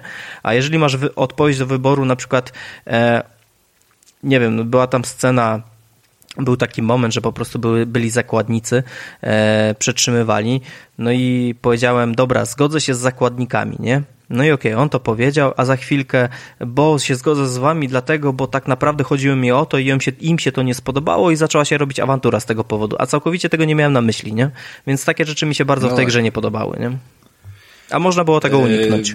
By, było, było jeden ciekawy mechanizm. Nie wiem na ile razy go wyłapałeś, ale on się co najmniej tam kilka, yy, kilka razy po, powielał i miało to w sumie sens, że była jakaś dynamiczna dynamiczna dyskusja, jakaś tam opcja yy, zrób to lub zrób to, a dopiero po paru sekundach pojawiła się opcja nie rób nic. Tak, tak, widziałem to i tak, tak takie podchwytliwe to było, parę razy się na to zdecydowaliśmy właśnie za nią, żeby wybrać taką opcję, ale ona za dużo nie zmieniała w tej całej historii, wiesz? To, takie, no, to, jest taka, do... to jest taki wybór, jak masz w grach Telltale, e, od, odliczać ten cały czas na odpowiedź. Jak się... Nie zrobisz nic. Tak, to to wybiera taki Kładziesz predefiniowany, dokładnie. Kładziesz... E, dobra, jestem bardzo ciekawy w sumie, jakie miałeś zakończenie, ale o tym chyba powiemy sobie na, na końcu. Mhm. Ja bym tylko chciał powiedzieć jedną rzecz. To nie jest gra, która jest skończona w kontekście fabularnym. Jest to fragment historii, który dalej ma przewidziany jakiś swój ciąg i przez to nie daje odpowiedniej satysfakcji. Owszem, dostajemy rozwiązanie y, problemów A, B, C, D, które tam się po drodze pojawiły. Wiemy, co się wydarzyło z postaciami, które mieliśmy tam i tak dalej, ale nie zamyka to tej historii. Pozostawia bardzo duże jakby jakieś tam niedopowiedzenie i to jest takie typowe odpalenie, wiecie, filmu, który już z góry ma zaplanowany sequel, ja za specjalnie, no już z wygody gdzieś tam dzisiejszej, gdzie wszystko jest od ręki w internecie, całe seriale całymi sezonami wjeżdżają naraz, nie przepadam za tym. Więc jeżeli ktoś też za tym nie przepada i chciałby po prostu mieć y, story od A do Z, y, przejść, mieć swoją historię, przeżyć te emocje, wyłączyć, zapomnieć, to tutaj tak nie zrobi, bo go dalej gdzieś tam zostanie jakiś taki, wiecie, nerwica natręstw, niezamknięta yy, klamka, która, która mogłaby w sumie do, na dobrą stronę być, tylko no przecież mogliby zrobić nową grę z nową historią, a nie dalej tu z tą, tak jakby właśnie było to Quarry. I może do tego Quarry właśnie teraz przejdźmy, bo w gruncie rzeczy to jest podobny mechanizm gry. A Quarry sobie Tomek ograł na pececie. Tak. Więc było zajebiście ładnie i zajebiście na małym ekranie, bo HDMI nie działa. Dokładnie. I to jest pierwsza gra, która e, została ukończona przeze mnie na tym nowym sprzęcie, więc e, tak jak e, konsolę kupowałem dla GTA i innych tytułów, tak będę miał teraz w pamięci ten tytuł, że to była pierwsza gra ukończona w 100% na komputerze. The Quarry. Generalnie gra w ogóle nie chodziła mi po głowie, nigdy w ogóle w nią nie chciałem zagrać tak naprawdę, e, ale dzięki uprzejmości Grzegorza z rozgrywki e, Preza e, była w pakiecie gier, który udostępnił mi po prostu na Steamie w pakiecie rodzinnym. On ogólnie ma tam off-top, nie? Nie wiem, jak Więc to pi piszcie, piszcie, do, piszcie do preza, żeby kurde... ja pierdolę, dobra. Nie, no. to będzie trzeba wyciąć, to będzie trzeba wyciąć. Dobra, wytniemy sobie to później. E, The Quarry. Wy jesteście szw szwagrami, rozumiem, tak? Po rodzinie. Tak, po rodzinie. On, on mieszka gdzieś tam chyba West Coast Wrzeszcza, a ja West Coast Gdynia, to, to jest ta sama rodzina, nie? The Quarry. Słuchajcie, mm, nie mam pojęcia, bo nie zrobiłem researchu, bo tak jak powiedziałem, w ogóle mnie ta gra nie interesowała. Nie wiem, czy to jest ta gra... Nie, no, ale to jest twórców Until Dawn. To jest jakby kolejna gra no od właśnie. twórców Until Dawn, tylko tym razem nie jest XM na PlayStation, tylko wyszło jakby w szerszym dostępie. Okay. Więc z góry można było wiedzieć, czego się będziemy spodziewać. Gromada nastolatków jedzie sobie gdzieś tam i coś ich zaczyna tam zapierdalać. No, no właśnie, jakby... to nie do końca tak jest, Rafał. Oni nigdzie nie jadą, oni już są na miejscu, ale to zanim do tego dojdziemy... Ale to, to jest detal, jakby wiesz, to jest detal. Ale y, powiedziałeś właśnie, że to jest gra twórców Until Dawn i teraz mi to bardzo dużo tłumaczy tak naprawdę, bo nie wiem dlaczego, ale ja się skupiłem, że to jest kolejna część y, tej serii e, Men of Medan, e, bądź wiesz o co chodzi. Całkowicie mi z głowy wypadła nazwa tej gry. Były trzy części. Pierwsza siedziała jako, jako wiedźmy, druga była na, na tych statkach, statku widmo, druga wojna światowa. Kojarzysz? No, nie, nie, trochę tak, a trochę nie, bo chyba, chyba wiem o czym mówisz, takie horrory, które nawet chyba teraz dwa trafiły do plusa, a trzeciego jeszcze nie ma i, i też to jest takie chodzenie jakby i szukanie chuja w śmietniku, ale... Dokładnie, to o, no, to, jest, dobra, ale, to jest seria ale, The Dark Pictures. The Dark no Pictures. No właśnie, Dark Dokładnie. Pictures. Dark Pictures dwie części ma w plusie, też nawet patrzyłem na te gry, bo były fajne wydania pudełkowe, specjalne w trylogii, w takim mm, steelbooku i tak dalej, ale, ale nie chciało mi się za specjalnie napieprzać w te horrory. Ale wracając do Tekwary, no mamy tutaj Until Dawn, więc oni już wcześniej się, wiesz, zarówno twarze aktorów, jak i fajna grafika, jak i takie właśnie systemy wyborów, przeżyć może zero osób albo siedem osób, i dlatego mamy yy, tyle opcji, jakby rozwiązań, ile właśnie powiedziałeś, bo, bo, bo ten schemat się gdzieś tam rozkręca. Pytanie tylko, czy ten wybór, yy, znaczy, czy to zakończenie związane z tym, że ta osoba umrze albo nie umrze, tak naprawdę coś zmienia w kontekście tego, co się dalej dzieje i wydarzy, bo mam z tym wątpliwość, szczerze mówiąc, po tym jak przechodziłem yy, Until Dawn, że znaczy... Nie, miałem, nie miałem za specjalnego wtedy poczucia, że ta historia by mnie bardziej obchodziła, gdyby inne osoby zginęły albo coś. No dobra, może do kogoś miałem tam większą sympatię, a, a do kogoś mniejszą, ale, ale jakby świata by to nie zbawiło, wiesz o co chodzi, nie? Mhm. Znaczy wiesz co, te 100, 186 zakończeń, to wiadomo, to jest marketingowy po prostu bełkot i tak naprawdę e, to się prze, nie przekłada w żadnym stopniu na to, że wiesz, e, skończysz grę 186 razy i zobaczysz za każdym razem inne zakończenie. E, tak naprawdę naprawdę tu chodzi o to, bo grę tak naprawdę skończyłem 4, 4 godziny temu. E, troszeczkę już posiedziałem na internecie i po, pooglądałem po prostu, jakie są wariacje tych zakończeń. No i to chodzi głównie o to, jakie interakcje z postaciami, inne interakcje będą miały i w jakim etapie skończą grę, czy przeżyją, czy nie przeżyją, a jak przeżyją, to czy będą się lubić, bądź czy się nie będą lubić, a jak się będą lubić, to czy coś z tym zrobią dalej, czy, czy czegoś nie zrobią dalej, nie? Z, z tym, po prostu z tym faktem, nie? Więc jak najbardziej, jak patrzymy pod tym kątem, no to rzeczywiście może być tych 186 różnych zakończeń, bo na jedną scenkę, którą ja zrobiłem w sposób inny, zobaczyłem cztery zupełnie inne rozwinięcia tego wątku, które tak naprawdę dwa z tych różnych wątków mogły potoczyć się w zupełnie dwa różne inne zakończenia, nie? Więc tutaj jak najbardziej trzeba brawo przyklasnąć twórcom, no bo scenariusz troszeczkę musiał być ostro pod tym kątem sprawdzane, żeby tam jakieś luki nie powstały. No i jest troszeczkę imponujące to właśnie, ile, ile różnych interakcji e, między tymi wszystkimi postaciami można zrobić, bo tak naprawdę e, w tej grze głównie będziecie właśnie tworzyć te interakcje z innymi uczestnikami, tak? E, nie wiem, Rafał, chciałbyś zacząć od grafiki czy od fabuły, bo jak już jesteśmy w etapie, co się mm, dzieje, to... Wiesz co, nie chcę zaczynać od grafiki, dlatego, że ja w ciemno jestem przekonany, że grafika jest bardzo spoko, bo ona już w poprzedniej części robiła po prostu mega robotę, a mówiliśmy o poprzedniej generacji sprzętu, więc ja w ślepo wierzę w to, że ona wygląda zjawiskowo i masz po prostu mnóstwo momentów, w których e, filmowość się wy, wywala z ekranu, szczególnie w jakichś predefiniowanych scenkach, a nie etapach poruszania się postacią. E, ale to, co jest tam mocą, to jest właśnie ta fabuła i, i też, no, jak, jak zawsze rozmawiamy sobie na bieżąco, nie po przejściu całej gry, tylko mm, w międzyczasie też się wymieniamy informacjami.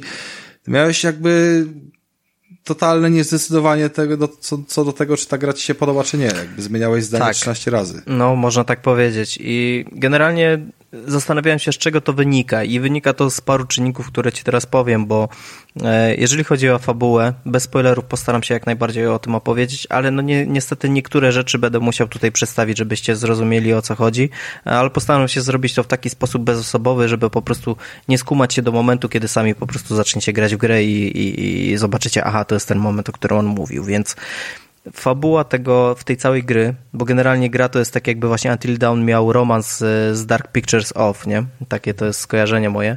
Polega na tym, że mamy obóz, obóz dla dzieciaków, w którym ty, oto obozie e, są ich instruktorzy, są ich opiekunowie, tak?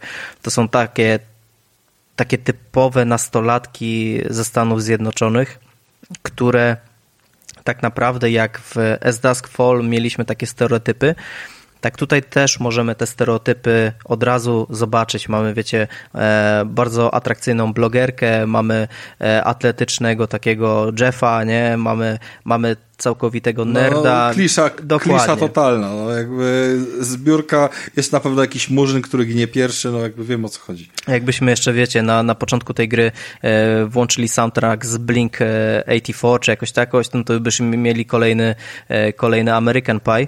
E, ale co ciekawe i co bardzo mnie zaskoczyło, mm, te postacie nie zachowują się jak takie typowe klisze, także e, z wyglądu oczywiście, ale ich zachowanie całkowicie e, nie pasuje do tego, jak wyglądają, co jest ogromnym plusem. Także jest to troszeczkę... Czyli myślisz, że to jest takie robienie pod chuja, nie? Tak, że troszeczkę a, tym tak. razem cię mhm. tak tutaj zrobili. No, I się okazuje, że ten typowy Jeff, e, pełen mięśniak, jednak ma troszeczkę mózgu i rozumu i jednak robi takie decyzje konkretne, a nasza blogerka, która powinna być głupia, okazuje się bardzo inteligentna osoba, więc tutaj wielkie brawa dla twórców za to, że poszli w tym kierunku, a nie zrobili takiego typowego typowego teen movie. E, ale z jednej strony jest to kompletna klisza, e, jeżeli chodzi o fabułę, bo mamy ten domek e, w, w środku lasu, gdzie te dzieciaki kończą turnus, no i, no i właściciel tej, tej całego mm, terenu, tej całej posiadłości po prostu żegna, kolej, kolejne wakacje się kończą, no i żegna tych swoich opiekunów i mówi, że, że mają no dzisiaj opuścić ten teren. No i poprzez zbieg nieoczekiwanych wypadków po prostu auta nie działają i oni nie mogą opuścić tego terenu, co wprawia w ogromną furię tego właściciela. No i finał jest taki, że, że wkurwia się i ucieka, nie? Sam ucieka, zostawiając te dzieciaki w domu i daje im tylko jedną radę, zostańcie w chacie, nie wychodźcie, nie? No i wiadomo, co się dzieje później. E, nasi bohaterowie postanawiają zrobić sobie ostatnią imprezę wakacji, którą nie zapomną do końca życia. No i rzeczywiście nie zapomną no jej do końca życia. Także mamy taką jedną największą kliszę, no i generalnie to, co opowiedziałem, dzieje się przez trzy odcinki z dziesięciu. Tak, każdy odcinek tak dobre półtorej godziny gry trzeba grać.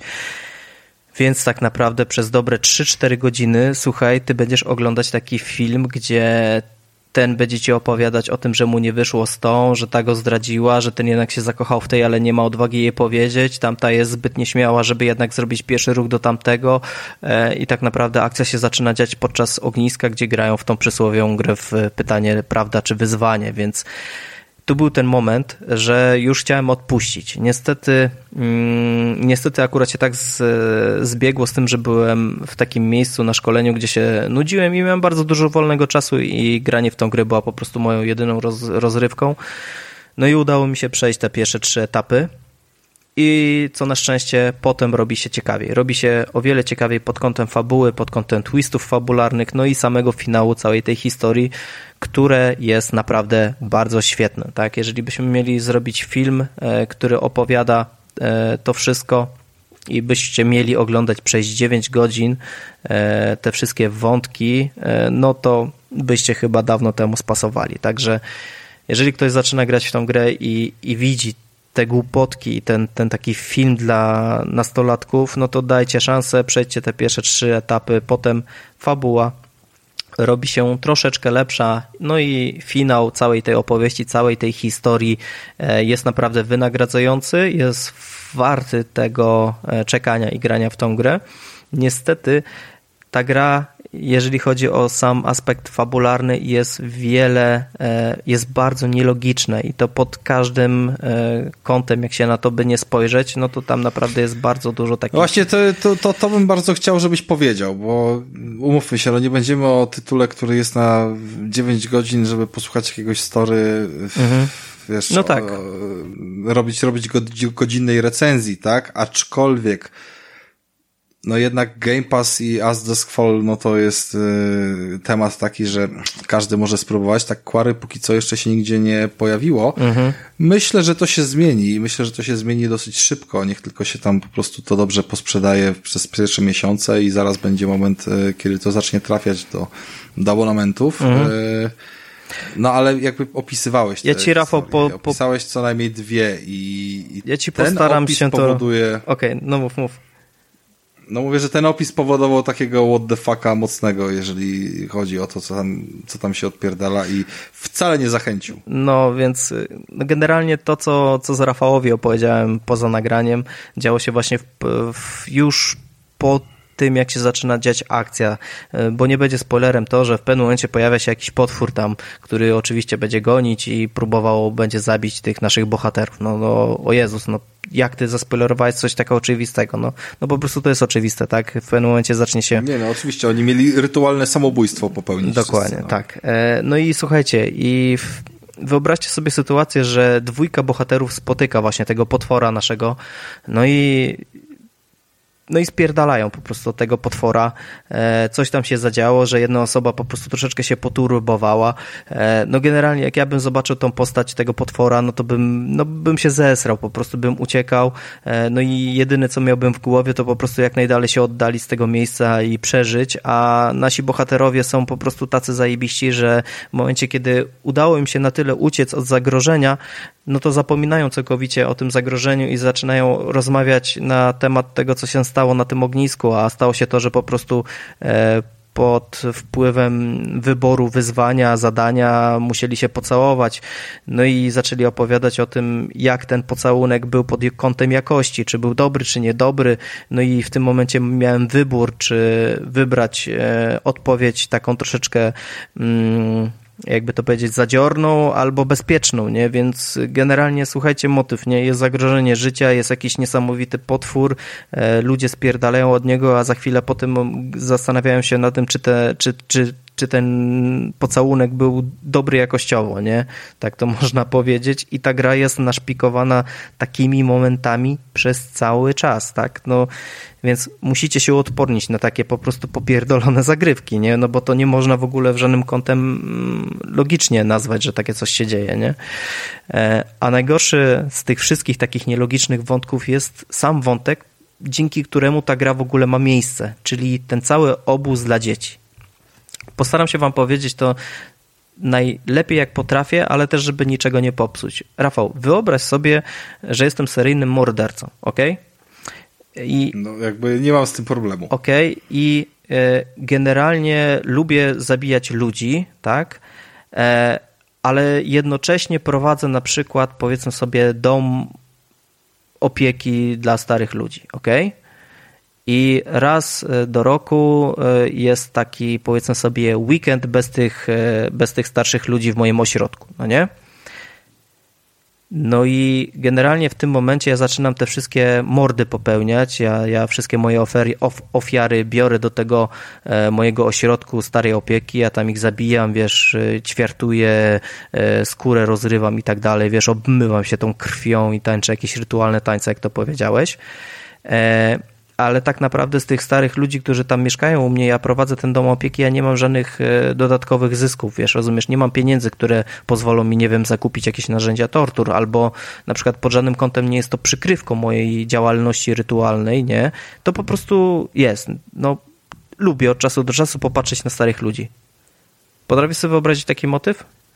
Mm, no, no. no powiedzmy, że no nie wiem, no to nie, nie jest do końca, wiesz, motyw taki, że lubisz kakao, a, a lubisz y, zabijać ludzi i w związku z tym, wiesz, no, takie słuchaj, podejmujesz decyzje. Nie? Jak ja bym był seryjnym mordercą, to raczej bym unikał jakiejś większej publiczności, jakoś bym unikał tych wszystkich rzeczy, które mogłyby wpłynąć na to, że ktoś się dowie, ej, ty zabijasz ludzi, nie? A właśnie w tej grze cały motyw polega na tym, że oni te dzieciaki mają, nie? Oni zapraszają co lata na, te, na ten turnus i po turnusie oni mówią szybko uciekaj, bo to jest jedyny moment, kiedy ty możesz uciec, nie? Rozumiesz? Bo potem się odpierdoli taki cyrk, że ty tego nie zapomnisz, nie? Po co, ci, po co te dzieciaki są w tym wszystkim? To nigdy nie zostało w tej grze wytłumaczone, nie zostało rozjaśnione i tak naprawdę się nie trzeba kupy, bo e, okay. z tych dzieciaków nie masz żadnego pożytku, nie? Wiesz, jakby chociaż oni przyjeżdżali, chociaż niech jeden ginie jako, wiesz, jako, jako mm, ofiara, nie? Żeby jakoś tam zaspokoić kogoś. No nie mogę w spoilery wejść, nie? Ale to jakieś miałoby sens, nie? A te dzieciaki w ilości, jakich przyjechało, w tej samej ilości odjeżdżają i to niczemu nie służy. To ani nie zapewnia przykrywki dla tego środka, dla tego potwora i tak dalej. Po prostu to jest wątek z dupy, który tak naprawdę nie ma prawa być, nie? I to mam największy problem z tym, z tym, z tym całym aspektem fabularnym, nie? No kumam. Dobra, czyli czyli w gruncie rzeczy fajny tytuł, tylko że pierwsza połowa jest zjebana? Można tak powiedzieć. Praktycznie ten moment do momentu, jak coś się nie zacznie dziać, jest jest taki po prostu, bo jest. Jak ja miałbym powycinać niepotrzebne wątki, to bym wyciął dobre 4 godziny z tej gry, nie? Oczywiście fajnie się na okay. to patrzy, robi to jest jeden cel tak naprawdę w tej pierwszej połowie gry, żeby pokazać, jakie są tak naprawdę relacje między tymi wszystkimi uczestnikami, ale tak naprawdę my te relacje już możemy zobaczyć po tym, jakie są stereotypowe postacie, no nie? Mimo wszystko oni później się okazują zupełnie innymi ludźmi i kierują się innymi zupełnie wartościami niż myśleliśmy, ale tak naprawdę te 3-4, no 3 godziny gry nie uzasadniają tego, że patrzysz tak naprawdę w film, który nic nie wnosi do drugiej połowie gry, gdzie coś się zaczyna dziać. W żadnym sposobie, w żadnym, e, żaden, przez generalnie się nie, nie utożsamia z tymi postaciami jakoś mocniej, nie zżywasz się z tymi postaciami przez to, że, że dowiadujesz się, że ktoś jest e, fanem podcastów, ktoś, e, ktoś inny przyjeżdża na te wakacje tylko dlatego, bo nie ma co robić wakacje, e, ktoś po prostu przyjeżdża, żeby spędzić niezapomniane chwile i po tych chwilach zapomina o tej całej grupie, to, to, to nic nie wnosi do tego, jak, jak ty potem postrzegasz tą całą grupę i jakie wybory dokonujesz, nie? Znaczy, w moim przypadku tak to było, nie? Mm. To powiem ci, że nie jestem zachęcony takim jakąś, jakoś tak bardziej w kontekście, wiesz, myślenia o tej grze jako, jako pozycję do zakupu. Nie wiem, nie wiem do końca jak z tego wyjść. Może to, wiesz co, może to jest... Może może to nie target my jesteśmy, może jesteśmy trochę za starzy już takie boomery z nas, żeby, żeby czerpać radość z takiego, z takiego czegoś, wiesz. Może osoby młodsze od nas jakoś będą fajniej się bawić przez, ten, przez tą pierwszą połowę gry. Znaczy wiesz co, to jest tak, dobra, ale już jakby pomijając tą pierwszą połowę gry i, i całą historię, ja w ogóle mam takie poczucie, że... Mm, z jednej strony mamy, nie wiem, jakiś tam e, Road 196, z drugiej strony mamy Life is Strange, które wyszło parę miesięcy temu, z trzeciej strony mamy właśnie As Dusk Falls, z czwartej strony mamy Dequary i jeszcze coś można by pewnie doklepać do tej listy. I wszystkie te gry dają ci umownie grę, a w praktyce po prostu jakąś tam fabułę z opcjami wielokrotnego rozwoju historii, być może z chęcią jej powtórzenia, czy, czy też bez. Właśnie to jest pytanie, czy ty masz chęć powtórzenia zarówno As Deskfola, jak i Quarry, żeby zrobić inny scenariusz? Czy wiesz co, z zasady ja takiego typu gier ponowny raz nie przechodzę, bo z założenia ja tworzę moją własną historię, i podejmuję takie e, decyzje raz i po prostu muszę się zmierzyć z konsekwencjami moich decyzji i zawsze się... No okej, okay, no jakby ja mam to samo, to, to żeby nie było, ja mam to samo, więc doskonale rozumiem. Dokładnie i zawsze się tym kierowałem grając właśnie w takie gry. E, czy mam chęć, potrzebę przejść tą grę jeszcze raz, żeby zobaczyć jakieś inne wątki, tylko i wyłącznie dlatego, że żeby zaspokoić moją ciekawość, co się działo później, to ci powiem, że niestety nie. I nawet nie mam ochoty szukać YouTube'a i oglądać te 15 zakończeń, bo takich prawdziwych zakończeń, które pokazują ci różne skutki twoich decyzji, jest 15, e, tak? Tych wszystkich mniejszych decyzji, które wpływają już na wariacje tych zakończeń, no to jest rzeczywiście ta większa ilość, ale takich prawdziwych zakończeń jest 15 i powiem ci, może obejrzałem dwa różne, e, oprócz tego mojego, które widziałem i jakoś większej ochoty nie mam, bo ta historia, którą zobaczymy w Dekwary jest e, ogólnie zamkniętą historią i tak naprawdę w tym moim zakończeniu, które zobaczyłem, to większość wątków zostało wyjaśnionych i nie miałem jakiegoś takiego wątku, który mm, powodowałbym, że miałbym ochotę jeszcze raz tą grę przejść albo szukać na YouTubie tych e, innych zakończeń, nie? Więc jest to i plus, i minus, bo plus jest taki, no bo dostajesz no, porcję takiej, takiej, takiego doświadczenia e, zamkniętego w 100% i, i jesteś zasatysfakcjonowany tym, co dostałeś. No ale no, z drugiej jest to, strony, co, to, to co powiedziałem złe? wcześniej, nie? Przy, przy As Dusk Fall, że no fajnie przynajmniej, że to, ta historia się zamyka i, i to jest plus bierzesz grę, nawet jak ją kupisz, to, to puszczasz zaraz dalej na sprzedaż, tudzież robisz coś co innego, bo, bo to jest już doświadczenie, które przeżyłeś, odjebałeś i dobre i złe strony z niej odklepiesz i no, nie warto całkiem zapominać o tym. Dokładnie. Druga część gry, tak jak, jak już cały czas słyszałeś, no to rzeczywiście wnosi dużo. Dosi, wnosi dużo do, do, do, jakbym miał taką wirtualną ocenę dać gry, no to to tak naprawdę końcówka to jest, to jest coś bardzo fajnego, tak? Wyjaśnia bardzo dużo wątków, wnosi zupełnie inne wątki, robi taki fajny twist fabularny e, i co ciekawe, bardzo często jest taka sytuacja, że w grach czy filmach po pierwszych paru minutach, czy tam po jakimś dłuższym czasie już wiesz kompletnie, kto jest kim, kto tam odpowiedzialny jest za zabójstwa i tak dalej, i tak dalej. A tutaj aż do samego końca nie domyśliłem się tak naprawdę, co i, i co, co się działo i o co chodziło i to jest ogromny plus, który tak naprawdę w mojej ocenie pod, po, podwyższył tak naprawdę e, całe doświadczenie z tej gry. Ale Rafał, nie oszukujmy się, bo... Mm, ta gra to jest tak naprawdę interaktywny film, tak? Z gry takiej typowo gameplayowej mechaniki, to tam jest tylko dokonywanie wyborów i chodzenie postacią, a postacią chodzimy po zamkniętych lokalizacjach e, z góry nakreśloną ścieżką i nie możemy się pomylić, pójść albo w a, lewo, albo no w prawo. Wiem, nie. wiem doskonale jak to było. No tu nie ma gry, no. tylko jest wykonywanie wyboru. Różnica między tymi tytułami jest tylko taka, czy po drodze mamy jakieś e, pseudo-sterowanie postacią, czy wybory z ekranu, ala przygodówka, czy tam coś jeszcze, ale no Dokładnie. Schemat, schemat jest ten sam i on się tu, tam jakby... Tu nasze chodzenie... Albo, albo... Po tu nasze chodzenie postacią służy tylko i wyłącznie jednemu, jednej rzeczy, żeby zbierać takie karty, które później w przerwnikach między rozdziałami pokazują nam troszeczkę przyszłości, tak? Czyli co się może zdarzyć, ale w, kompletnie bez kontekstu, tak? Czyli my nie wiemy, czy ta sytuacja pozwoli uchronić naszą postać, czy jednak e, przyczyni się ku jej śmierci, nie? Także e, poruszanie się naszą postacią służy tylko i wyłącznie do tego, żeby przejść z punktu A do punktu B i poruszyć fabułę do przodu oraz żeby znaleźć wszystkie znajdźki, które tak naprawdę nic nam kurwa nie dadzą, nie? No dobra, słuchajcie, to z tym optymistyczno-pesymistycznym akcentem będziemy kończyli mm, tenże odcinek. E, mam nadzieję, że on się podobał w takiej formie, no ale jakby w innej nie byliśmy w stanie go nagrać, gdyż ponieważ no, są wakacje i chyba każdy rozumie, że e, ciężej jest nam dograć te terminy, kiedy, kiedy jednak różne urlopy czy, czy inne aktywności się gdzieś tam uruchamiają.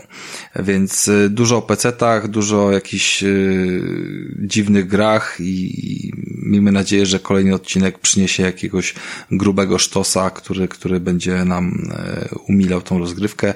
Miki jest już w trakcie ogrywania jakiejś e, solidnej, tłustej japońszczyzny, e, a poza tym mamy też w sumie inną tłustą japońszczyznę do, do, do od, odkremowania, bo to jest jakby już tytuł, który dawno powinien być ograny, a wciąż nie jest przez wszystkich. E, w związku z powyższym żegnamy się. Na szczęście mam do pożegnania tylko Tomka i dzięki, że nas dzisiaj wsparł. E, wiesz co, ja mam chyba takie wrażenie, że będą komentarze w stylu jak e, moja recenzja The Query. Początek chujowy, ale końcówka dała radę. Także ty, masz, ty... Zobaczymy. Ja, ja myślę, że wiesz, jakby zawsze, zawsze można się pobawić formą.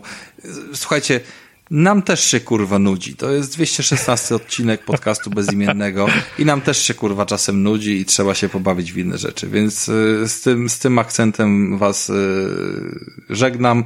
Zapraszam na tam wszelkie socjalki, y, czy to Twittery, czy Instagramy, a być może grupę facebookową, na której też parę się tam ruchów pojawia. Oczywiście Patronite jest, no mamy, w ogóle szykuje nam się ten, nowe gadżety i mamy już je przygotowane, bez, bez spoilerów żadnych, ale do kolejnej wysyłki blisko, blisko, blisko, coraz bliżej.